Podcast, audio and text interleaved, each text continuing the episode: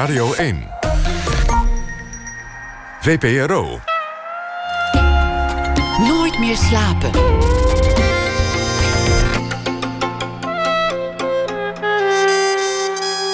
Met Pieter van der Wielen. Goedenacht en welkom bij Nooit meer slapen. Ergens tussen een tent en een villa, Center Parks bestaat 50 jaar. Mieke Ding schreef daar een uh, boek over, de geschiedenis van het vakantiepark. En na ene hoort u haar daarover. Met festivals en clubs heeft Nederland een rijke muziekscene. Over de pioniers die daar ooit mee begonnen. De basis daarvan in de jaren 60 schreef Tom Steenbergen een aanstekelijk boek. Hij is hier de gast na ene.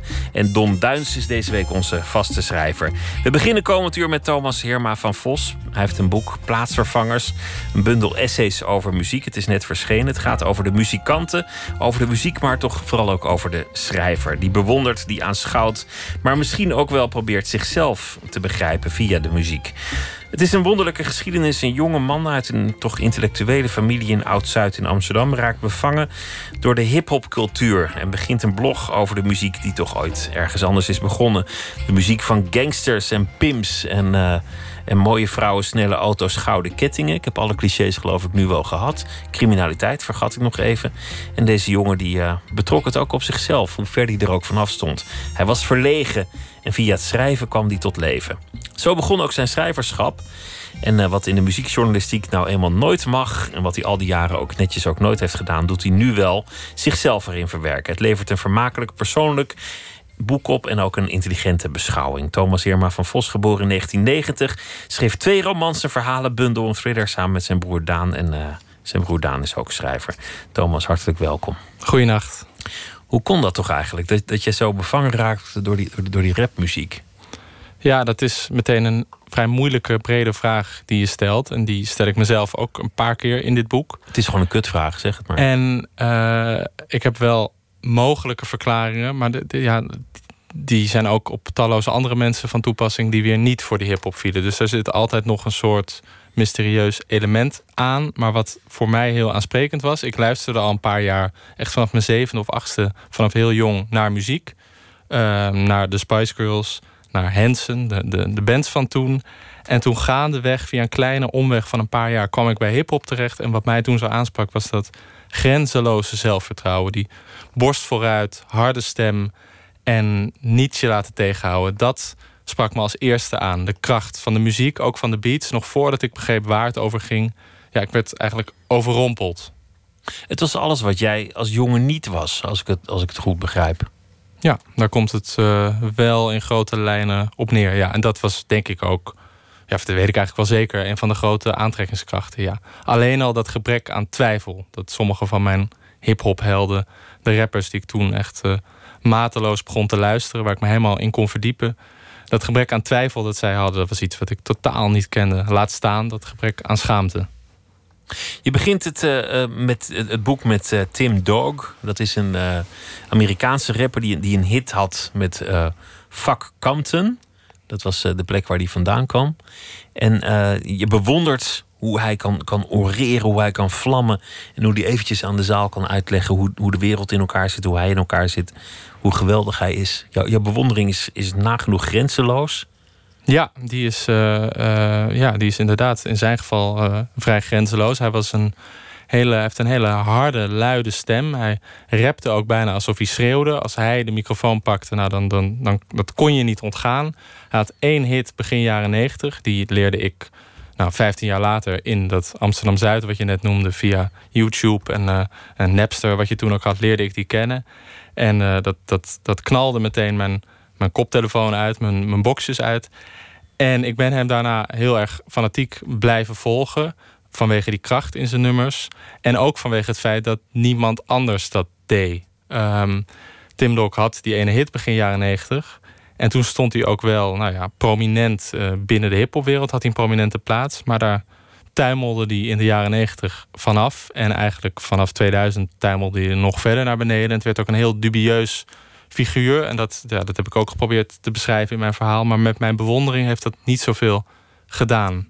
Zelfs toen hij, toen hij werd ontmaskerd, eerst had hij geen hits meer, maar bleef nog wel de oude fetus cultiveren, omdat het hem ook iemand maakte. Ik heb nog ruzie met Snoop Dogg. Nou ja, dan ben ik toch iemand ook al doe ik er eigenlijk niet meer toe. Ja. Hij, hij, hij hield daaraan vast, aan die fetus. En, en nog later werd hij ontmaskerd als oplichter. En, en had die vrouwen achter zich aan van wie die geld had geleend. En, en om het verhaal maar helemaal eh, te spoilen. De wonderlijke geschiedenis eindigt met het anseneren van zijn eigen dood. Ja, de wonderlijke geschiedenis eindigt op een manier die ik in een fictieverhaal nooit had, uh, had, had gekund. En daar was ik in ieder geval nooit mee weggekomen. Nee, wat je net zegt, hij tuimelde, hij tuimelde heel ver. En toen werd hij een internetoplichter die via, via MySpace allerlei vrouwen ging aanspreken. En hun geld aftroggelde over de hele wereld, ook een Nederlandse vrouw. Vervolgens werd hij door die vrouwen gezamenlijk ontmaskerd in uh, het Amerikaanse programma Dateline. Nou, dat, uh, daar, die, die, gingen met verborgen camera en al naar hem toe. Dat zijn ook prachtige filmpjes die ik dan wederom in Oud-Zuid thuis, uh, ook via YouTube, allemaal opzocht. En wat ik daar zo bijzonder aan vond, was dat hij ook toen hij ontmaskerd was, geen enkele schaamte, geen enkele twijfel. Hij zei alleen maar: I'm a black man, I'm Tim Dog, of course they're coming after me. Dat was zijn, zijn ja, eigenlijk zijn levenshouding. Die werd, uh, ja, niemand kon hem stuk krijgen. En toen kwam ook nog de hele dubieuze geschiedenis van zijn dood. Je hebt het net al gezegd. Hij was toen ineens dood. Toen bleek dat op een hele vage bron gebaseerd. En nog steeds zijn er mensen. Het, het verhaal gaat nu wel dat hij echt dood is. Maar die beweren dat hij nog ergens rondloopt met die afgetroggelde centen. En dat is ook het verhaal dat ik uh, het liefst wil geloven. Omdat dat een, een soort heldenstatus hem toch nog geeft. Ja. Hij, hij, is weggekomen, hij heeft het toch maar weer geflikt. Je moet het maar durven. Ja, en nu lijkt het misschien alsof ik enorme sympathie voor hem heb. Sympathie is niet helemaal het goede woord, want ik zie ook wel wat hij allemaal voor moreel verwerpelijks doet. Maar het feit dat ik hem desondanks blijf luisteren, dat ik desondanks naar hem blijf opkijken, dat, dat hij desondanks zo vier overeind blijft staan, dat zijn de dingen die mij intrigeerden. En die me er ook hebben toe aangezet om dit zo uitgebreid en in dit boek op te schrijven. En niet alleen maar omdat het een goede muzikant was. Niet alleen maar omdat het een raar verhaal was. Dat speelde allemaal wel mee. Maar ook door het feit dat die val van hem uh, mijn oordeel niet heeft aangetast. En misschien wel alleen maar mijn bewondering heeft gevoed. Omdat dat de bron van de bewondering was. De, de, de uitmuntende zelfverzekerdheid. In zijn geval uh, zeker, ja. De, de bravoure. Ja. Je gaat ook schrijven dan al, al vrij jong. Je begint gewoon een blogje op het internet over, over internet, maar, of over, uh, over hip-hop. Maar je doet dat heel, heel fanatiek. En dan heb je hem ook benaderd. Meerdere ja, keren. Ja, uh, ik ben als 14 of 15-jarige, ik geloof 15-jarige, inderdaad begonnen met een hip-hop blog. Eigenlijk was dat voor mij, kwam dat heel logisch voort uit die hip-hop liefde. Ik verdiepte me er heel erg in en dan wilde ik ook weten precies wie wat geproduceerd had, wie wat had geschreven. Nou, toen was het een kleine stap naar het ordenen van die kennis. Het gewoon voor mezelf opschrijven wat alle dwarsverbanden waren enzovoort. En van daaruit ben ik toen ook recensies en dergelijke gaan schrijven. Gewoon puur voor mezelf. Die heb ik allemaal op een blog gezet.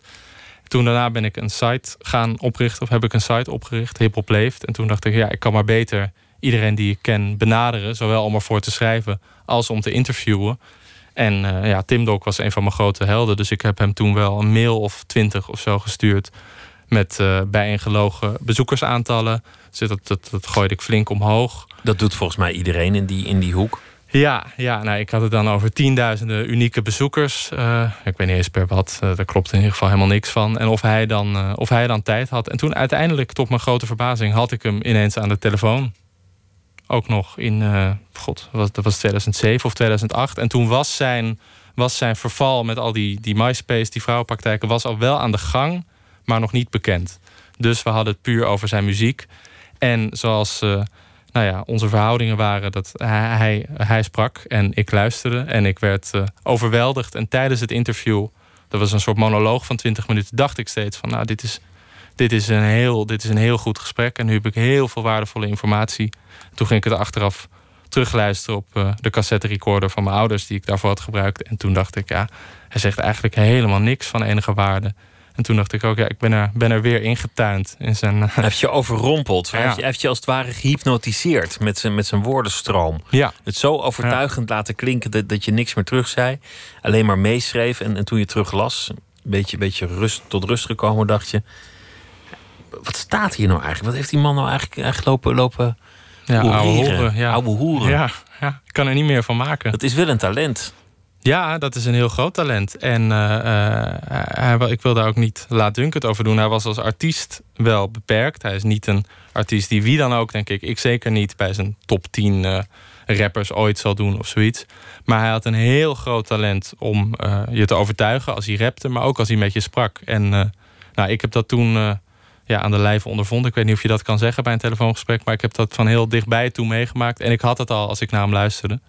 En ik viel daar op een of andere manier heel goed voor. Dus ergens begreep ik ook nog wel waarom al die online vrouwen zo makkelijk in zijn verhalen, in zijn woordenstromen en in zijn plannen, die hij nooit heeft waargemaakt, meegingen. Want ik begreep dat wel. Ik begreep wel waar zijn aantrekkingskracht vandaan kwam. Dan komen we nu bij wat, wat een beetje het bijzondere is van, van dit boek. Het zijn geen beschouwingen over jouw helden. Het zijn niet gewoon uh, popgeschiedenissen of rock'n'roll geschiedenissen. Dit gaat heel erg over de, over de, de luisteraar, over jou, jouw psychologie. En dan, dan, dan komen we in dat huis in, in, in Oud-Zuid, waar, waar een jongen heel verlegen is, die niet snel het woord zal nemen, die eigenlijk alles niet is dat zijn helden wel zijn, mhm. die daar misschien iets van wil, wil lenen. En je gaat erover schrijven, maar je schrijft ook omdat ik misschien wel door hen gezien wil worden, geaccepteerd wil worden. Ja. Het gaat toch ook een beetje over, over de jongen zelf. Ja, en dat is in het geval van Tim waren de verhoudingen ook wel duidelijk door dat hele Amerikaanse grootheidsverhaal wat hij dan was geweest. En dat we slechts belden. Ehm, maar ik heb ook toen voor die, voor die site, die blog Hip Hop Leeft, heb ik heel veel rappers uh, oog in oog geïnterviewd. En uh, ging ik bij heel veel artiesten langs. En dan hoopte ik inderdaad wel uh, dat ik indruk op hen zou maken. En ook dat, dat op een bepaalde manier hun zelfvertrouwen, hun kracht, hun, wat, ik, wat ik dan ook bewonderde in hun werk, op mij zou afstralen of zoiets. Het was iets heel abstracts. En ik dacht daar toen ook niet bewust over na van goh, ik ga nu een half uur met, uh, met muzikant X spreken. En hopelijk ben ik daarna een iets uh, ander mens.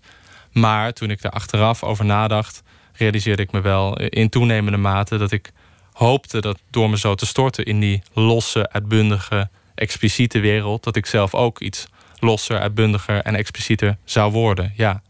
Is ook een van de, de functies van muziek. Dat kan ook met andere genres. Zeker. Dat zal iemand eh, die, die actieve punkrock luistert misschien ook wel hebben. Dat hij, dat wat, wat van die snelheid en energie wenst te lenen.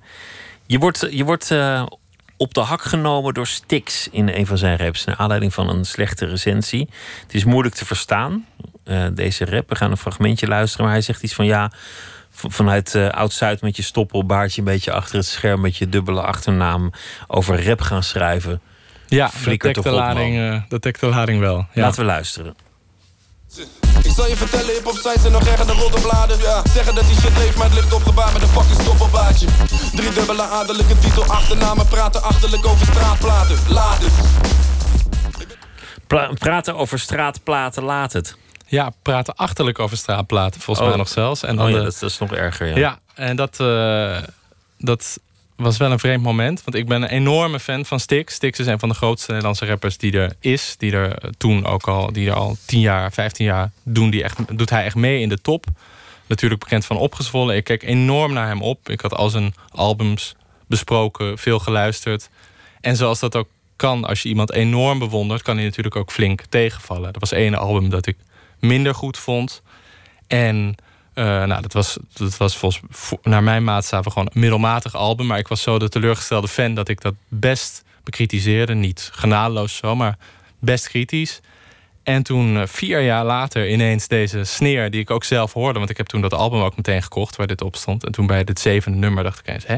Gaat het nou over mij? Dus ik het terugspoelen, want het is vrij drukke muziek. Het is ook niet een van zijn beste nummers. Achteraf vind ik dat ook wel jammer dat hij me niet op een monumentaal nummer. eh, Maar je, wordt hartstikke afgezeken. ja, Je, je zou moeten balen, je zou door de grond moeten gaan. Je zou blosjes moeten krijgen en denken... oh god, hij is erachter gekomen dat ik zo ontzettend eh, te kakken word gezet.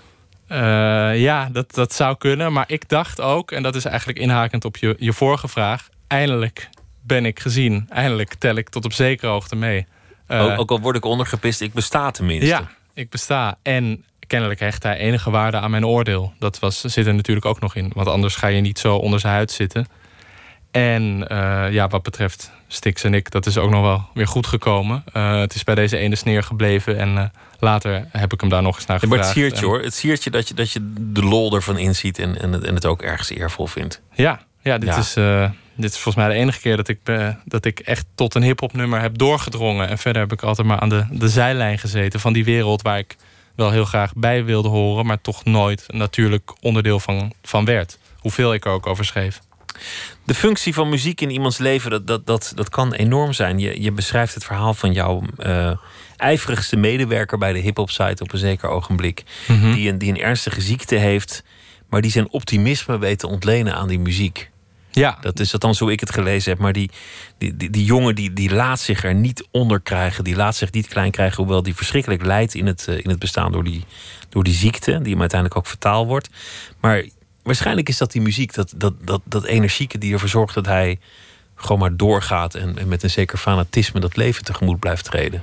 Ja, dat, uh, dat, dat klopt wel. Dat, dat is uh, de jonge Rob van den Aker, heet hij. En die schreef jarenlang veel voor Hip Hop Leeft. En ik had al langer ook het plan om ooit zo een boek te schrijven. Met dan mijn rol uh, ook meer belicht. Tegenover een muziekrecensie waar je altijd objectief moet zijn en dergelijke. Wat je net eigenlijk al kort noemde.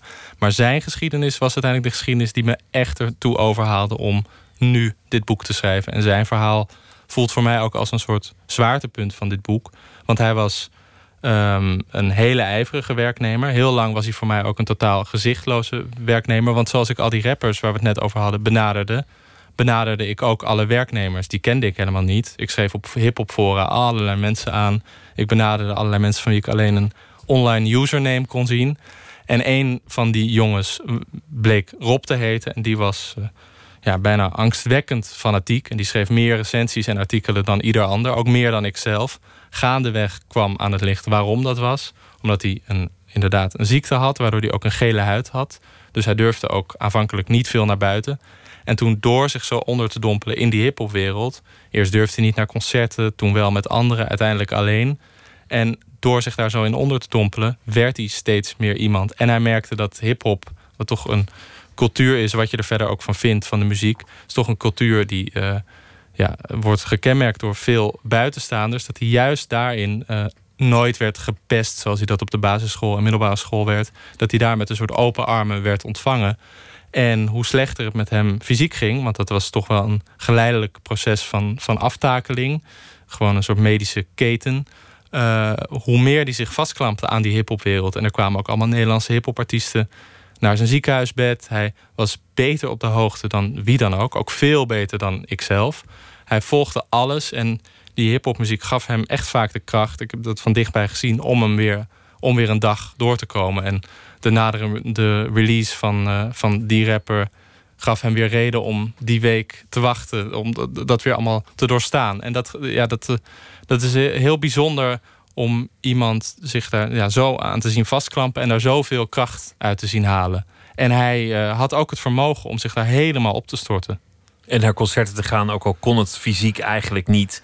En, en toch weer een, een album te recenseren. Ook al, ook al dacht je, waar, hoe heb je dat medisch voor elkaar gekregen? Ja, en dan zat hij daar ineens weer heel mager in zijn rolstoel. En dan kwam ik hem ook soms tegen. dacht ik, hè, lag jij niet in het ziekenhuis? Maar had hij het weer zo geregeld dat hij nog net gereden kon worden. Maar het gold eigenlijk ook voor jou. Dat, dat je de wereld beter tegemoet kon treden van achter een scherm. Vanuit de beslotenheid van je kamer. Dat, dat je heel lang niet echt heel graag bij mensen aanklopt of aanbelde of, of naar, mhm. naar het café ging. Maar vanuit het scherm durfde je alles. Ja, dat geldt zeker voor mij. En voor hem is het meer een soort uh, katalysator geweest. Wel een, wel een heel belangrijk begin om zich in die hiphopwereld te mengen.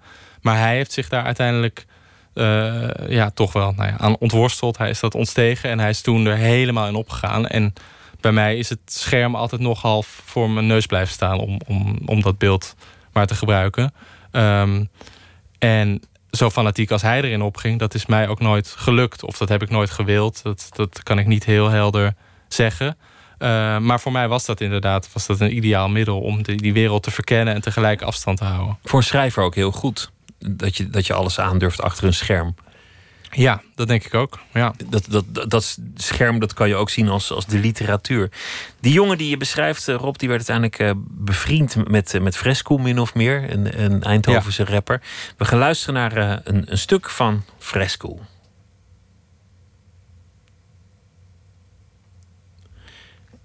Moet even kijken hoor, waar, waar die precies staat. Maar we doen gewoon een nummer dat heet Rustig aan.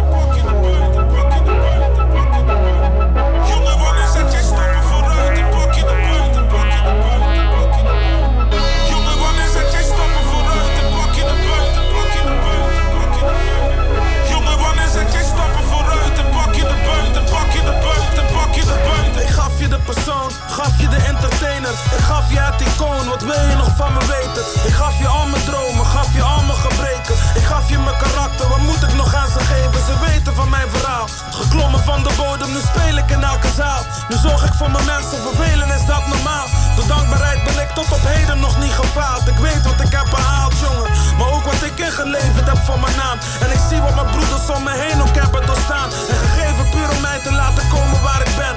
Je was er nooit, maar nu wil je komen waar ik ben. Ik focus op mezelf, nog steeds dezelfde droom, nog steeds mijn hoofd ernaar gezet. De rennen gaat niet wennen, maar wie loopt er naar succes? Precies, ik sta niet stil, ik ga niet lopen, maar ik ren. ren.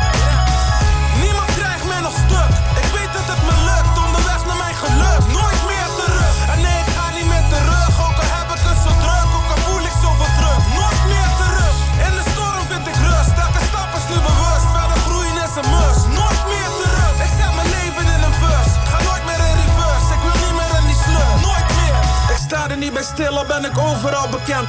Het spel is vies, ik hou me aan de codes waar het telt. Ik geef jullie mijn album als een ode aan het spel. Ben voor bovenaan bestemd, haters loop me naar de hel. Ik geef mijn hart only aan mijn fan. Verder niemand, ook niet aan de fans. Dus soms is het lonely waar ik ben. Niet aan de top, maar toch ben ik verder dan de meesten. Niet arrogant, maar God is met me, ben ervan verzekerd. Niemand is gebrekkig gaan gebreken. Velen zijn er doorgebroken. Voordat ik brak was ik al doorgebroken. Eenmaal doorgebroken, neem ik nooit een break. Want de plek waar ik vroeger was, wil ik nooit meer heen. Alicia, papa, laat je nooit alleen. Ik doe dit niet voor mij, maar puur zodat ik jou het mooiste geef. Wie had gedacht dat ik dit ooit beleef? Mijn derde album op zo gooien, hey. hey.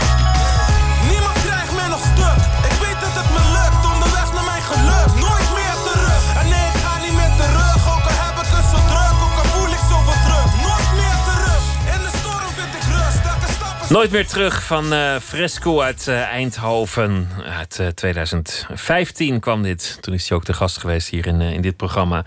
Thomas Heerma van Vos zit tegenover mij. eh rap-liefhebber en ook eh, andere muziek wordt eh, beschreven in zijn eh, boek Plaatsvervangers. Laten we eh, eh, naar, het, naar het begin gaan eh, waar ik begon. Oud-Zuid, intellectueel gezin. Het is altijd zo als het over jouw familie gaat... Dat, dat er vrij makkelijk allerlei dingen op worden geplakt. Dat er iets van wordt gemaakt dat het eigenlijk misschien ook weer niet is. Maar het fascineert. Misschien omdat iedereen in de familie wel eens een boek heeft uitgebracht. Ja, Ja. Wat, eh, wat, wat wil je nu wil je horen? ik ik, hoor daar niet zoveel over. En eh, dat is denk ik maar goed ook. Ja, ik heb het niet het idee dat veel mensen daar echt een mening over hebben. Maar ik heb jou inderdaad nu al wel een paar keer horen zeggen... intellectueel gezin. En dat, die uitstraling heeft het voor die kleine groep mensen die ons dan kent... heeft het misschien al gauw, ja, want iedereen een boek uit. En toen is er ook nog die, eh, is er een documentaire over gemaakt. En dat heeft ons dan wel enigszins bijeen ge- gezet voor het publieke oog. Ehm, ja, maar dat speelt verder. Ja, is dat een intellectueel gezin? Ja, dat is eigenlijk weer een andere vraag. Het is Ik, gewoon een eh, gezin en je ja, bent het erin is gewoon een gezin. En, eh, En je hebt geen vergelijkingsmateriaal. Nee, je, je bent en maar ik, één het, was, het was een aangename, het was een aangename jeugd, dat in ieder geval. En intellectueel, daarom zeg ik dit, intellectueel klinkt vaak een beetje zwaar en een beetje alsof de gesprekken heel serieus zijn aan de keukentafel. Dat zijn ze gelukkig zelden tot nooit geweest. Meestal ging het gewoon over voetbal en over de dagelijkse dingen. En ik heb nooit het idee gehad, goh, nu groei ik op in eh, schrijversgezin. Of eh, nu moet ik echt iets, eh, iets literairs of iets intellectueels gaan doen. Echt geen seconde, nee. Strikt genomen was het ook geen schrijversgezin. Ik bedoel, jij en je broer zijn gaan schrijven, maar je, je moeder was toch vooral wetenschappelijk bezig en je vader Zeker, werkte ja. bij de radio. Ja, dus ja. Toch ben je gedebuteerd op, op je 21ste. als Nou, schrijver. nee, nu moet ik je toch even verbeteren op mijn negentiende. Dat doet er verder niet toe, maar ik 19e ben jong zelfs. gedebuteerd. Ja, Ja, dat is, dat is helemaal piepjong. ja dat klopt. Eh, en dat, dat zie ik eigenlijk ook als een soort toevalstreffer. Want ik was daar niet al lang mee bezig. En die indruk wekt dat natuurlijk wel. Als je zo jong debuteert, nou, heb je waarschijnlijk een lange aanloop. Nee, ik had eh, eh, op mijn achttiende, gewoon na mijn eindexamen, had ik een jaar vrijgenomen. En ik ging toen veel werken. Ik ging het tweede half jaar naar Londen om daar te zijn. En ik had veel tijd over. En ik schreef toen al een paar jaar over muziek voor die site die we net noemden. En om een, om een of andere reden zat ik een beetje vast met alle interviews en recensies. Nou, ik had dus extra tijd. Dus toen ben ik gewoon maar eens een fictieverhaal gaan schrijven. En dat is een vrij, eigenlijk een vrij lang kort verhaal. Een soort novelle die toen als roman is uitgebracht. En ik had het geluk, echt, echt het geluk. En dat was ook tot mijn grote verbazing dat iemand dat wilde uitgeven. En pas toen dat boek, dat debuut dus, uitkwam, pas daarna ben ik na gaan denken over: goh, Uh, wat zou ik als volgende boeken willen? Wat zijn thema's die me bezighouden? Toen pas zag ik mezelf enigszins als een schrijver. Wat ik nog steeds niet pompeus bedoel. Maar dat, dat, speelde in mijn jeugd geen rol. Dat speelde toen ik het verhaal schreef geen rol. En dat speelde eigenlijk tot dat boek uitkwam helemaal geen rol. Daar was ik helemaal niet mee bezig. Dat boek was er gewoon ineens. En toen het boek er was, was je daardoor ook ineens schrijver. Ja, maar het is een klein boek hoor. En dat is toen ook wel echt onopgemerkt gebleven. Wat ook wel weer prettig was. Het kon gewoon in de luwte allemaal. Maar het boek daarna, Stern, werd, werd heel goed gerecenseerd. Toen was je nog steeds piepjong. En toen werd je vrij kort daarna ook, ook tot, het, tot het literaire talent van het jaar gebombardeerd. Toen werd je ook wel op, op een flinke sokkel gezet. Ja, dat, uh, dat klopt. En dat boek Stern dat verscheen in 2013. Dus toen was ik inmiddels al 23. Maar ja, het voordeel als je heel jong debuteert... dan kan je ook nog lang over je tweede boek doen. En dan ben je nog steeds jong. En het schrijven daarvan ging ook met enorme pijn en moeite. Want het was, ik kreeg toen uh, oneenigheid met mijn eerste uitgeefster en redactrice. En ik had heel veel hele slechte versies geschreven. En dat boek halveerde. En dat, ik zat daarin helemaal vast. Gelukkig uh, nou, keerde dat tij geleidelijk een beetje. Toen kwam het uit. En ik, volgens mij waren er toen ook op bestelling... Nou, zoals je dat dan zegt, aan boekhandels waren volgens mij 100 exemplaren verkocht. Zo heel weinig. En ik heb toen het geluk gehad, en dat zie ik ook echt als, als geluk en niet als verdienste, dat gaandeweg, dat, dat was ook een proces van drie maanden of zo. Het was niet dat iedereen klaar stond, dat er wat goede recensies verschenen. En toen nog een paar, en toen waren het ineens, als je het optelde, vrij veel.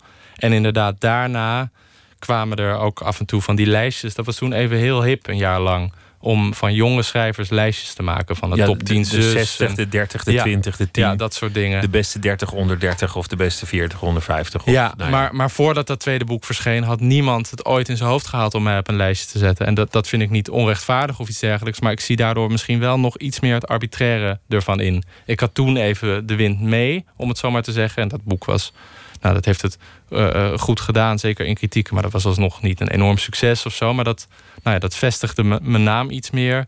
En ja, toen had ik even de wind mee en het geluk dat er veel van die lijstjes die je net noemt. En inderdaad, toen ook een talent van het jaar uitverkiezing. Ja, dat, eh, dat is verder allemaal vlijend en leuk, maar ik krijg daar niet heel veel waarde aan. Zeker niet omdat in het woord talent altijd nog, ook nog een soort belofte schuilt. Het, kan ook, het kan ook zomaar niet waargemaakt worden. Precies, ja. Als je over een voetballer zegt dat is een groot talent, dan zeg je eigenlijk, nou die is er nog niet, maar kan er komen. Uh, je relativeert het en, en dat, dat vind ik ook wel gezond om, om dingen te relativeren. Maar ik kan me ook voorstellen dat het je beangstigt. Dat, dat, dat eigenlijk al zo snel in je loopbaan er, er een soort gewicht op wordt gelegd.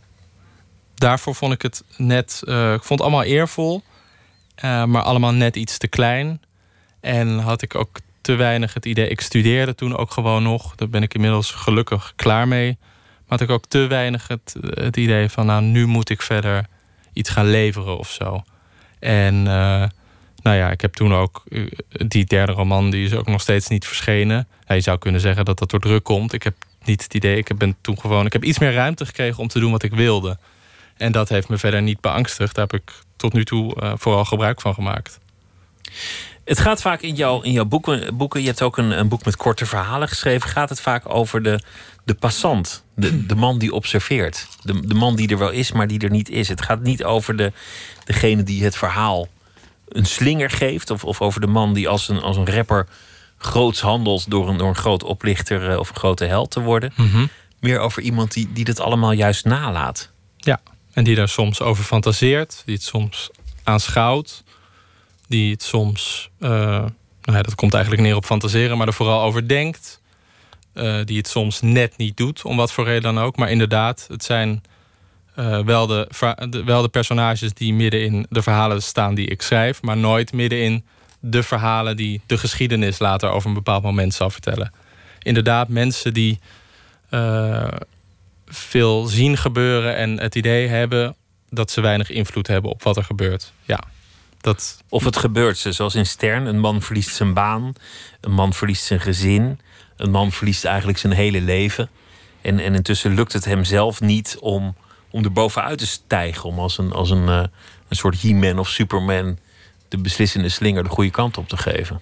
Ja, en dat, dat zit vooral in, in zijn hoofd. Uh, want je zegt hij verliest zijn hele leven.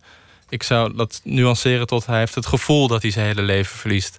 Want wat gebeurt er nou precies? Ja, hij wordt met pensioen gestuurd en zijn zoon gaat uit huis. Nou, dat zullen bijna alle vaders die die leeftijd bereiken. Die Eigenlijk gebeurt er helemaal, helemaal niks ernstigs. Nee. hij maakt er uh, iets van. Nou, er gebeuren wel dingen die je als, eh, als heftig zou kunnen ervaren of als grote veranderingen, maar geen grote trauma's, geen grote tragedies.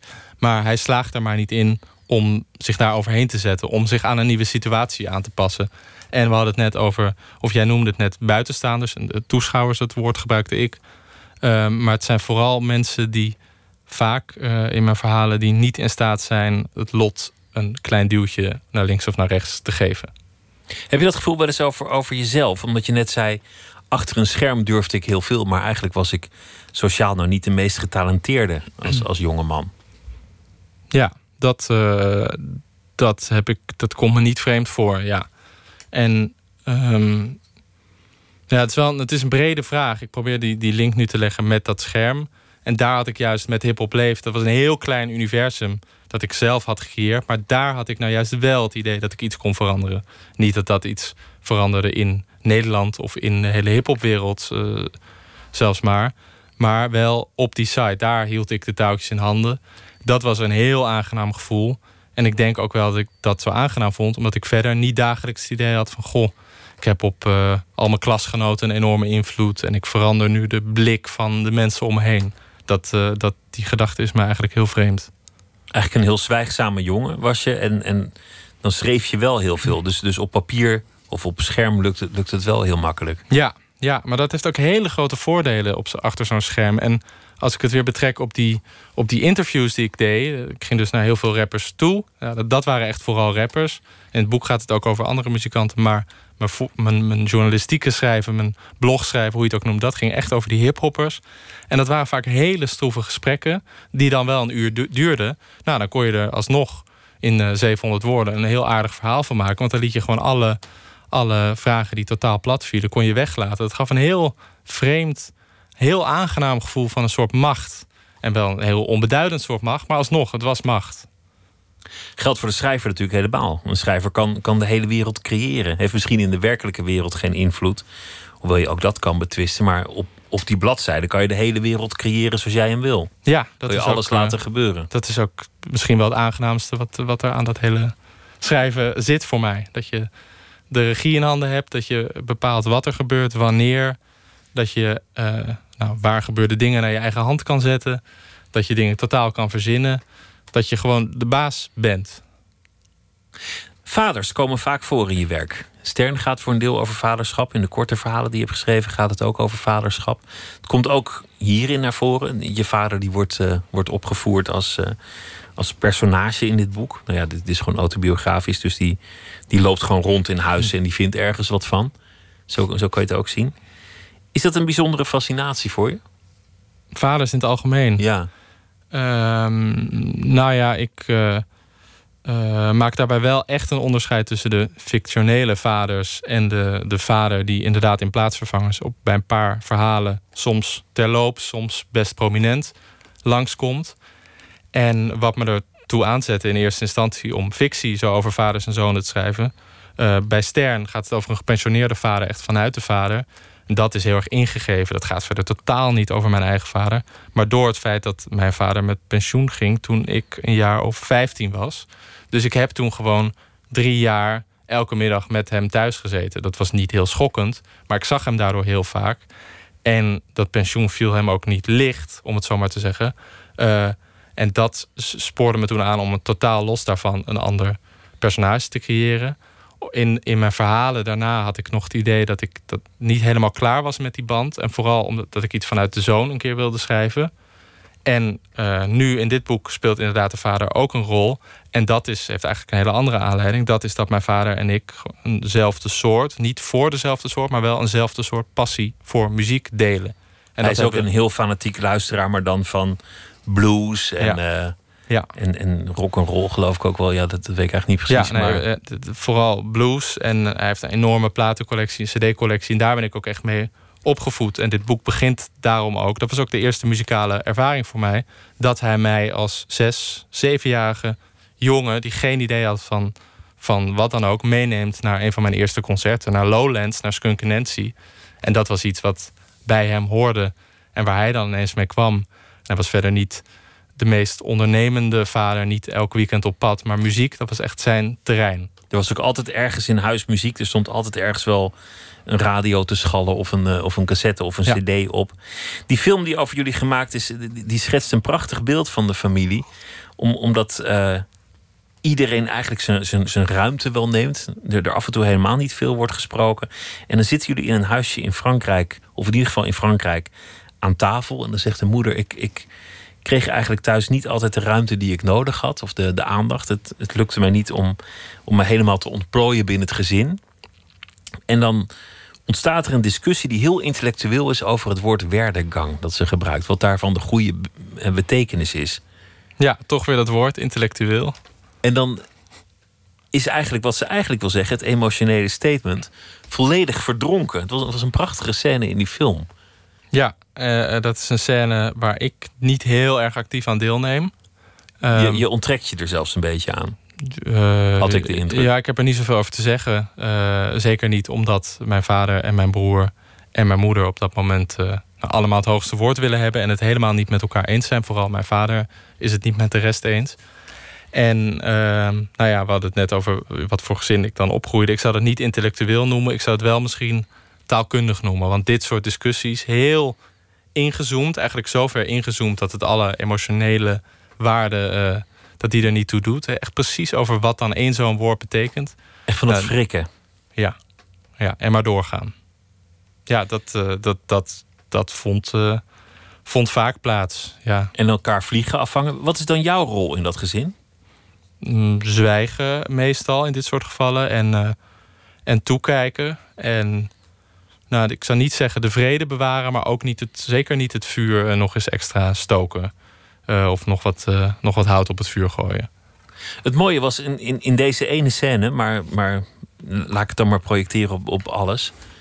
Dat doordat jij zwijgt, heeft iedereen eigenlijk al zijn, zijn standpunt ingenomen en zijn kruid verschoten. En dan, dan moet er toch een brug worden geslagen. En dan kijkt iedereen naar jou, omdat jij tot dan toe niks hebt gezegd. En dan, dan ben jij eigenlijk ook daarmee de rechter die het laatste oordeel uitspreekt. Ja, dat, in dit geval was dat, uh, dat is niet een soort structuur die altijd maar, uh, altijd maar voorkomt. Geen vaste maar, formule. Maar dat, uh, ja, als je heel lang zwijgt, dan op een gegeven moment denken mensen natuurlijk dat je van alles wel vindt en niet uitspreekt. En dan in dit geval, als je twee kampen hebt en er is een derde onuitgesproken, ja, dan wordt diens mening gevraagd. En volgens mij zeg ik dan ook nog iets vrij slaps eigenlijk. Van, nou, volgens mij kan een woord meerdere betekenissen hebben, mam? Zoiets. Ja, zoiets. Ja. Ik was er toen ook wel klaar mee. Ja, ja, terecht. Laten we luisteren naar een, eh, een andere artiest die je bewondert en eh, waar je eh, een, een, mooi essay over hebt geschreven, Damon Albarn. En dit is van uh, een soloalbum van hem, Everyday Robots. Ja, leuk. They, didn't know where they was going, but they knew where they was, wasn't it?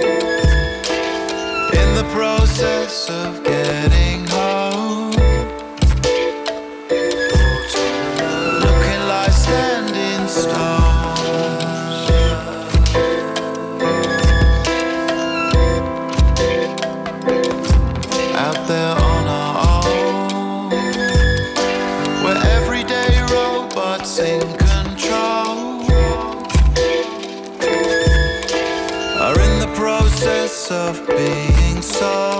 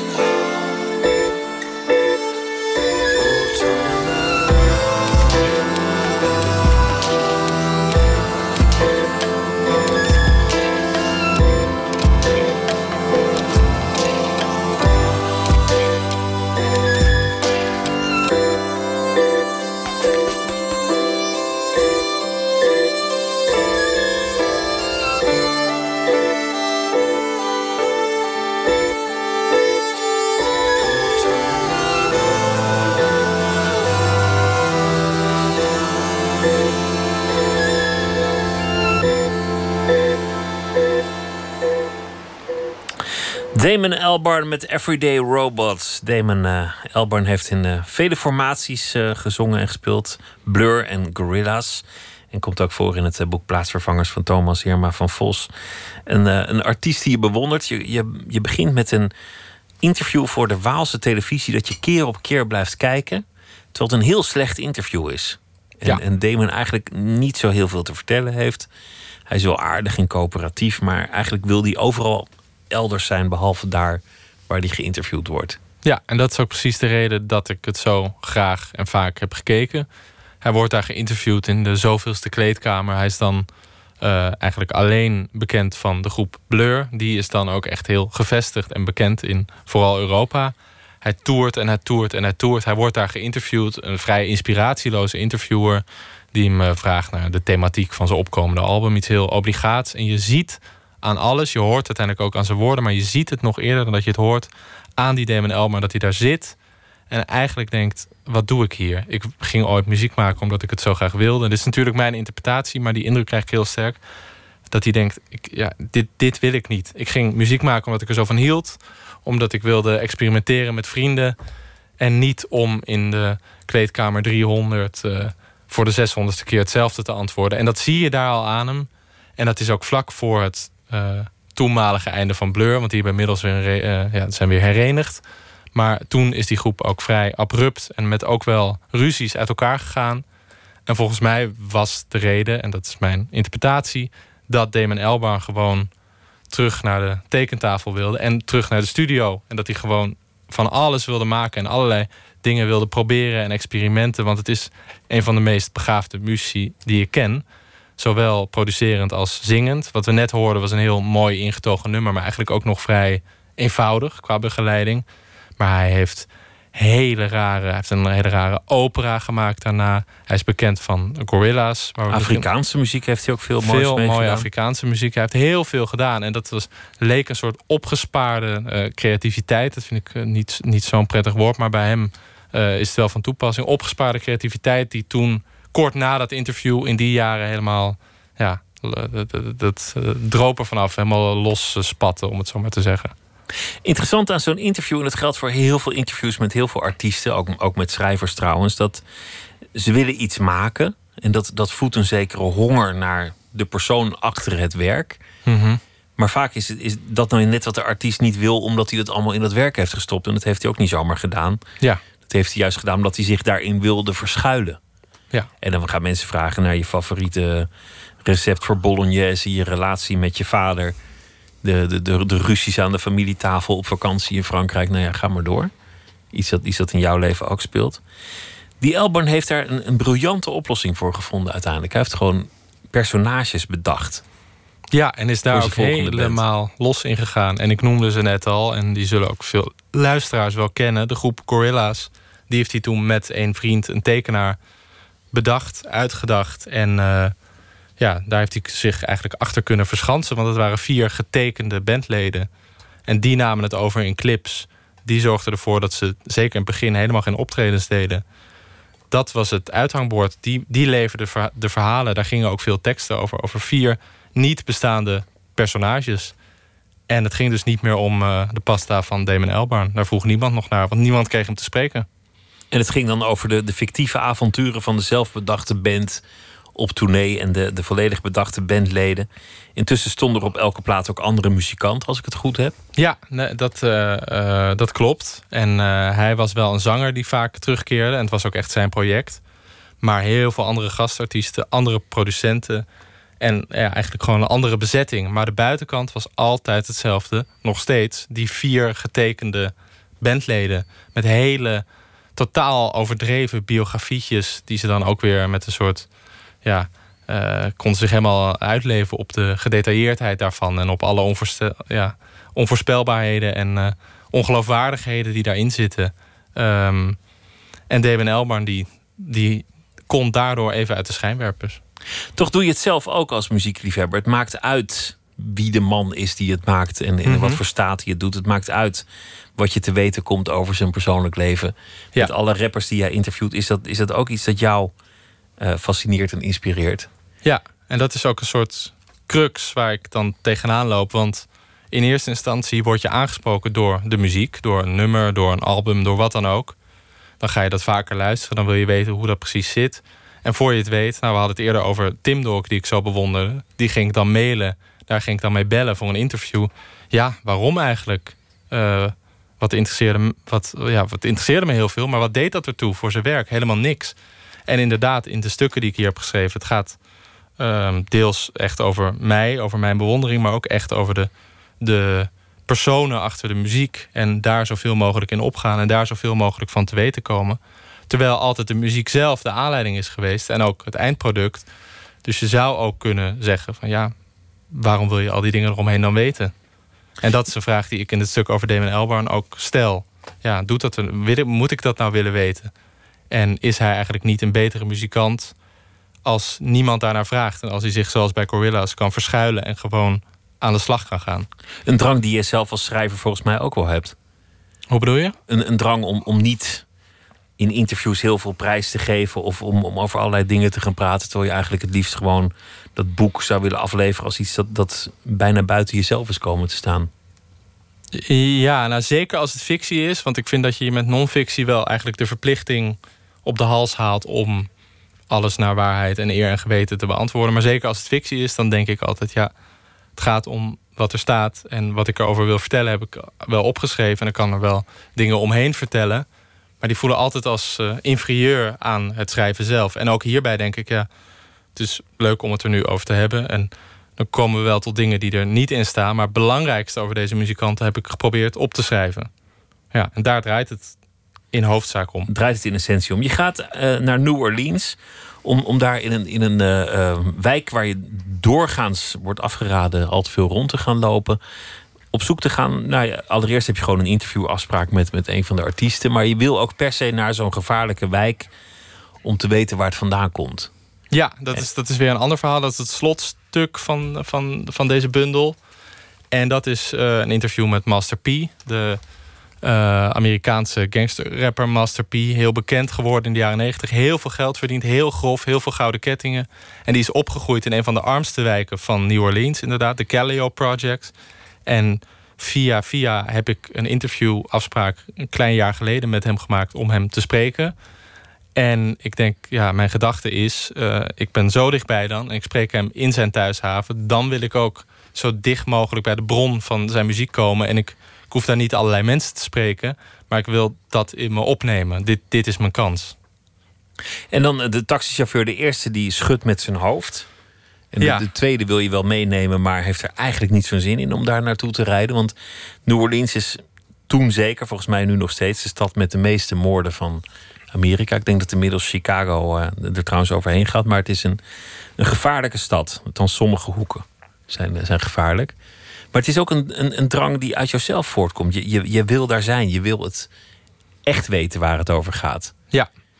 Ja, en dat is ook dat is überhaupt de reden geweest waarom ik hem aanschreef. Dat was eigenlijk een heel raar plan. Want ik had. Uh, ja, er zitten niet heel veel mensen in Nederland nog op te wachten. Het was vorig jaar voor de correspondent.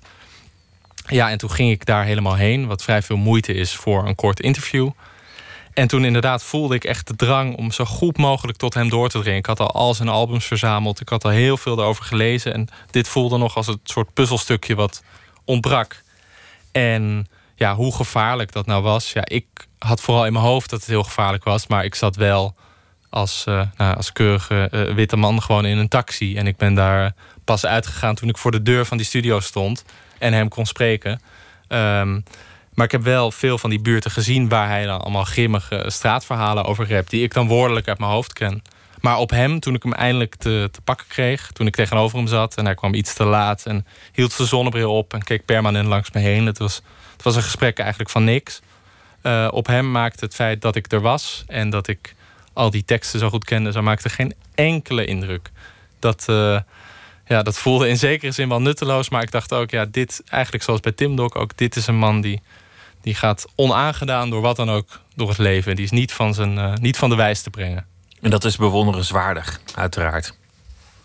Je schrijft ook over uh, Hans Zimmer, van, uh, de, de, maker van filmmuziek. En er zit een mooie anekdote dat je in een winkel die muziek hoort... en je wordt plotseling mm -hmm.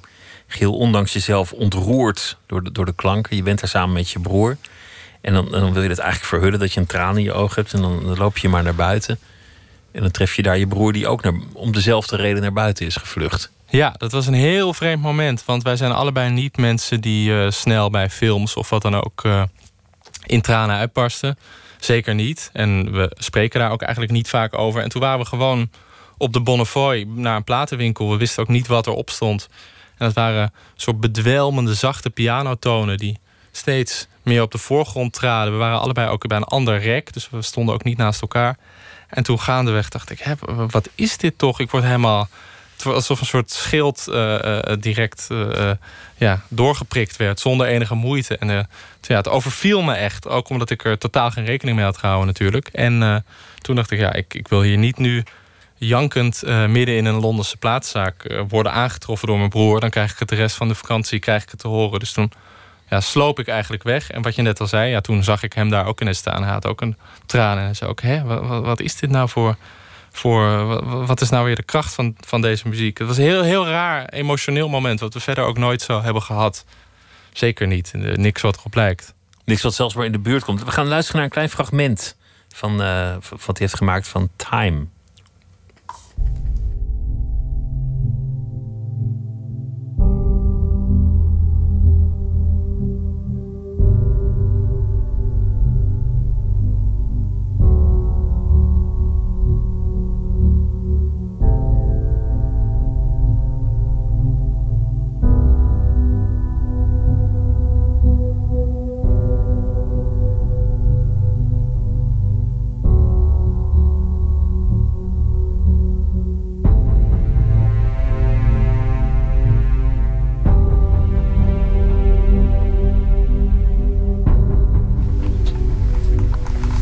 Dit is een beetje de sfeer. Dit soort, dit soort dingen maakt hij. Je ging naar een concert van hem in Ahoy. En, en zoals ik het eigenlijk begreep uit jouw boek, was het echt gruwelijk. Ja, gruwelijk in welk opzicht? Nou ja, dat, dat het een, een zeer massale vertoning was van een man die, die gewoon, gewoon genoot van het applaus wat jij niet had verwacht. Ja, nee, het was. Uh, het, was, het had iets van een concert van de toppers of zo. Ja, het was heel excessief in elk opzicht. Het was een heel groot podium überhaupt in, in Ahoy dus. En er werden heel veel merchandise dingen van hem verkocht. En koelkastmagneten van Zimmer. En t-shirts en petten en noem het allemaal maar op. En het was uh, uitverkocht. En zaten allemaal dezelfde soort mensen die meteen begonnen te joelen. Toen hij daar in een soort hele rare, glimmende paarse outfit op het podium uh, verscheen. En uh, enorm, enorm orkest. En hij ging er ook helemaal in op. Terwijl de helft van de tijd niet duidelijk was wat hij nou deed. Maar ja, dat gaandeweg drong ook tot mij door. Ja, hij genoot daar zo van, omdat hij altijd... Hij maakt ongelooflijk veel soundtracks... voor bijna alle grote Hollywood-producties. Tientallen heeft hij er uh, gemaakt. Nu zelfs 150 als je ook spellen en zo mee. hij zit daar altijd maar teruggetrokken. Hij maakt heel veel hele goede, zeer effectieve muziek. Effectiviteit is echt een woord dat, dat bij hem hoort. Hij weet precies hoe die, ook dat fragment wat we net hoorden, is heel bijna wiskundig, heel precies opgebouwd. En hij weet precies hoe die spanning moet verhogen, wanneer hij een extra laag moet aanbrengen. En ook tijdens zo'n concert was allemaal heel gelikt, heel overdreven. Ja, weldadig, soms ook gewoon veel te bombastisch. Maar hij wist wel precies hoe hij, de, hoe hij dat moest uh, opvoeren, hoe die tempo moest Maar jij, jij, dacht dat je een eigen ontdekking had. En, en ineens blijken er 10.000 mensen ook van te genieten. En dan, dan is het toch ineens niet meer echt jouw artiest. Nee, dat klopt. En daar, dat is eigenlijk waar we het ook al uh, eerder over hadden. Zeker in verband met Tim Dog. Ik, ik, ja, je kan een liefde voor artiesten, dat doe ik tenminste. Ik denk meer mensen heel erg koesteren. En uh, je kan een artiest heel erg op een voetstuk plaatsen als je denkt dat hij alleen van jou is. Maar bij hem dacht ik dat ook. Maar inderdaad, er bleken ongelooflijk veel andere mensen. Al die nummers, hem bij naam, ze bleken het allemaal precies te weten. En uh, dat, was, dat was wel vervreemdend. En toen dacht ik ook, oh, heb ik zo'n simpele smaak? Heb ik zo'n smaak die, die iedereen hier heeft? Ben ik zo doorsnee? Dat was de eerste gedachte. En toen dacht ik ook, hè, waarom zit je hier nou weer over na te denken? Wat zijn dit voor blasé, blasé gedachten? Maar dat was wel het eerste wat er door mijn hoofd ging. het eerste half uur van dat hele optreden dacht ik ook wat doe ik hier in dit uh, volksvermaak? Wie zijn, wie zijn al die mensen? Plaatsvervangers heet het uh, boek. Thomas Heerma van Vos, dank je wel dat je op bezoek kwam. En uh, veel succes met het schrijven. En blijf genieten van alle muziek in je, in je leven. Dank je wel. Ja, bedankt. En zometeen gaan we verder met Nooit meer slapen. En dan gaat het ook weer over rock'n'roll. Tom Steenberg geschreven een mooi boek over de jaren 60. Twitter, het VPRO NMS. We zitten op Facebook en u kunt zich abonneren op de podcast via iTunes of de site van de VPRO. vpro.nl slash nooit meer slapen.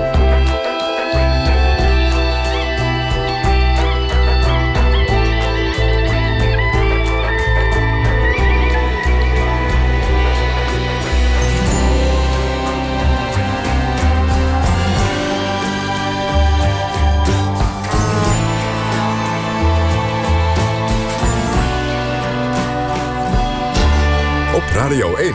Het nieuws van alle kanten.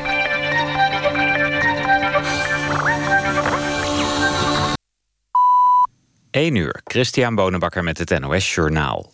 De terreurdreiging van de afgelopen avond in Rotterdam... had niets te maken met de aanslagen in Barcelona en Cambrils... melden verschillende buitenlandse persbureaus. Ze baseren zich op bronnen in Spanje. De Nederlandse politie wil er niets over kwijt... en zegt alleen dat het onderzoek loopt. De tip over de terreurdreiging in Rotterdam kwam van de Spaanse politie. Een concert van de Amerikaanse band Alalas in Rotterdam werd daarop afgelast. Even later werd een Spaanse bestelwagen gezien die verdacht heen en weer reed. Er bleken gasflessen in te liggen, maar ook allemaal spullen die van een loodgieter of klusjesman zouden kunnen zijn. De chauffeur, een Spanjaard, is meegenomen naar het politiebureau om te worden gehoord. De Nederlandse slachtoffers van de aanslag in Barcelona zijn weer terug in Nederland. Ze kwamen met een medisch transportvliegtuig naar Antwerpen... en zijn vandaar per ambulance verder vervoerd. Het gaat om een vrouw uit Dedemsvaart en een meisje van 16 uit Omme. Ze worden in een Nederlands ziekenhuis verder behandeld. De Nederlandse man die in Barcelona gewond raakte... werd eerder deze week al uit het ziekenhuis in Spanje ontslagen. De drie Nederlanders die samen in Barcelona waren... krijgen ondersteuning van slachtofferhulp.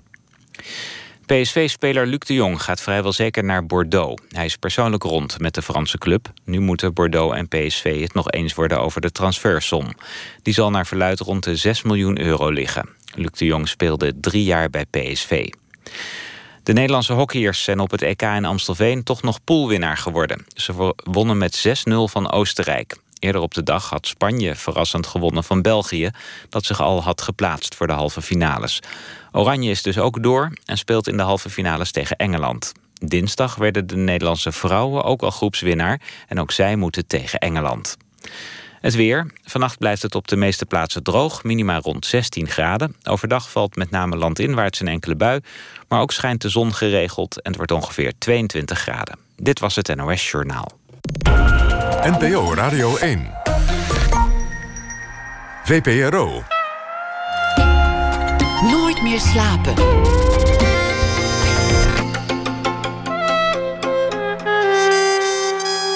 Met Pieter van der Wielen. Centerparks viert een jubileum en we duiken zometeen in de geschiedenis van het vakantiepark en proberen het succes te verklaren. Tom Steenbergen komt op bezoek, muziekkenner, zijn leven al werkzaam in de rock'n'roll, schreef een uh, mooi boek over de eerste generatie van de Nederlandse rock'n'roll podia in de jaren 60, die ons uh, uiteindelijk de festivals en de podia zou uh, bezorgen. Don Duins is onze vaste schrijver deze week. Hij zal elke nacht een verhaal maken bij de dag die achter ons ligt. Normaal schrijft hij voor het theater en voor televisieseries als Herterkamp, Spanga's en Missie Aarde. Goedenacht, Don Duins. Goedenacht, Pieter. Wat heeft je vandaag geïnspireerd tot het schrijven van dit verhaal? Dat uh, is. Um, het verhaal heet Lucht. Oké, okay, ga je gang. Schone lucht kan hier niet, kopt de Telegraaf vandaag op internet. In ieder geval niet op korte termijn. Volgens de landsadvocaten Ewald Brands en Bert-Jan Houtzagers, namen als uit een bommelstripverhaal, zou een poging de luchtvervuiling terug te dringen leiden tot draconische maatregelen met grote gevolgen voor de economie, waarvoor geen draagvlak bestaat bij de bevolking. Geen draagvlak bij de bevolking? Over welke bevolking hebben we het dan, brands- en houtzagers? Over de mensen die de lucht vervuilen? Of zij die daar het slachtoffer van worden? Zoals Milieudefensie en Stichting Adem, de aanklagers in het proces dat vandaag tegen de staat diende, betogen, vallen er nu al veel te veel dodelijke slachtoffers door de lucht in Nederland. De verontreiniging is een sluipmoordenaar. Wil iedereen dan zo graag in zijn autootje of op zijn scootertje blijven rondrijden? Blijven we voor lief nemen dat mensen gemiddeld 13 maanden eerder sterven door het fijnstof... dat we niet kunnen zien, maar dat onze longen even goed aantast? Dat fijnstof dat moet nu bestreden worden. En dat proces gaat veel te langzaam.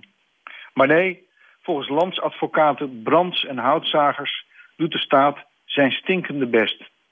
Ze zullen dat wel leuk ironisch vinden, de landsadvocaten, stinkende best. Maar flikker toch op. Niks je best doen. Het moet snel veranderen. De eventuele nadelige economische effecten moeten we maar voor lief nemen. Want wat is er belangrijker dan de kwaliteit van de lucht die je dagelijks inademt? Houtzagers, een van de landsadvocaten, ziet dat anders. En geeft als voorbeeld dit. Wilt u dat we tegen Rotterdam zeggen... zet een slagboom neer, vanaf morgen mogen nog slechts de helft van de auto's naar binnen? Ja, houtzagers en ook brands, dat soort dingen moeten we gaan zeggen. Of moeten we binnenkort allemaal als sommige Japanse toeristen... met mondkapjes op gaan lopen voor we onze eigen longen ophoesten? De landsadvocaten zeggen niet te begrijpen waarom er voor een kort geding is gekozen door de eisers. Spoedeisend belang is er niet, durven ze te zeggen. Nee, gasten, dat is er juist wel. Dat is in een overvloed. Volgens veel deskundigen gaan toekomstige oorlogen om water gevoerd worden. Maar ik zou zeker een revolutie om betere luchtkwaliteit niet uitsluiten. De eerste oproepen om scooters te slopen heb ik al gehoord. Over het eh, proces tegen de staat waarin eh, de eisers een schonere lucht willen. Wat waarschijnlijk de rechter gaat doen is kijken of de staat zich ergens heeft verplicht tot een schonere lucht. Bijvoorbeeld door uh, Europese of andere verdragen te tekenen. Of omdat ja, dat bijvoorbeeld wettelijke normen worden overschreden. Ja, ik geloof dat, dat ze best wel sterk staan. Want er is ook een ander proces over milieu gevoerd. Maar het schijnt dat, dit, dat, dit, dat ze hier sterker staan. Maar ja, het is gewoon. Ze zijn, ja, die landsadvocaten doen natuurlijk ook maar waar ze voor aangesteld zijn. Ja, die proberen ook wat. Maar ik, ik, vermoed, ik vermoed dat de aanklagers nog best. Uh, dat de klagers nog best kans maken, omdat dat er allerlei normen zijn die worden overschreden. Met fijnstof en, uh, en andere uitstoot. Het is ooit enthousiast getekend van ja, we gaan het verminderen. Nooit gelukt. En daar, daar zal een rechter zeker aandacht voor moeten hebben bijna heel Nederland is een soort, een soort rode zone, zeker. Ja, ik zag zo'n kaartje inderdaad. Nederland is een paarse vlek. Ja, je moet vluchten of naar Zeeland of naar Friesland. Daar heb je nog enige kans om, uh, om, om uh, gezond te blijven op dit vlak. Nee, maar het is, het is best bizar, want in je eentje kan je er niks aan doen. Dus ze moeten, ja, volgens mij komen de actiegroepen en, en, en dit soort processen is natuurlijk wel heel goed, vind ik. Dat is duidelijk. Dankjewel Don voor het verhaal en uh, tot morgen. Alsjeblieft. Tot morgen. David Rawlings en Gideon Welch en het nummer heet Come On Over My House. Sailing, come living, and I surely love you, surely love you, I surely love you. Sailing, come on, living, and I surely love you. Come on over my house,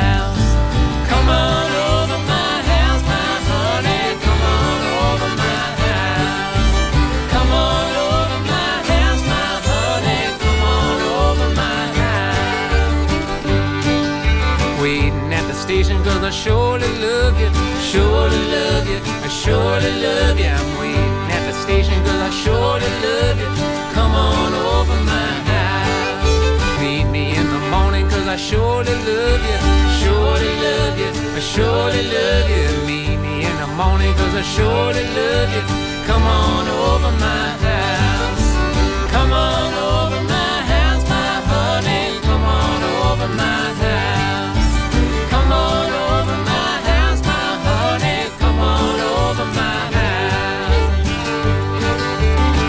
Every day I miss you cause I surely love you. I surely love you. I surely love you.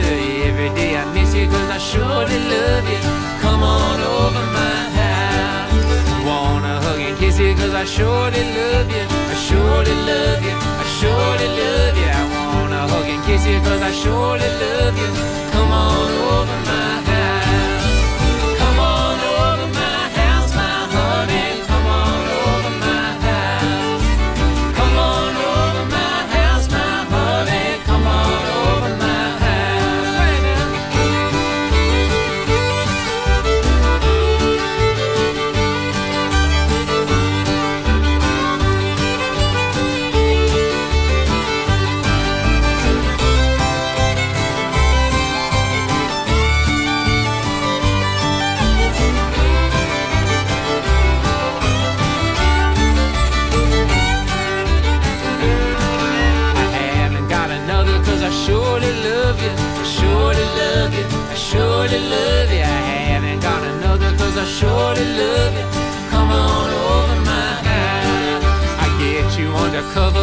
Surely love you. I surely love you. I surely love you. I get you undercover cause I surely love you. Come on over my house. Come on over my house, my honey. Come on over my house. Come on over my house, my honey. Come on over my house. I haven't got a palate, but I surely love you. I surely love you. I surely love you. Love you. Come on over my house. Just another brother, but I surely love you. I surely love you. I surely love you. Just another brother, but I surely love you. Come on over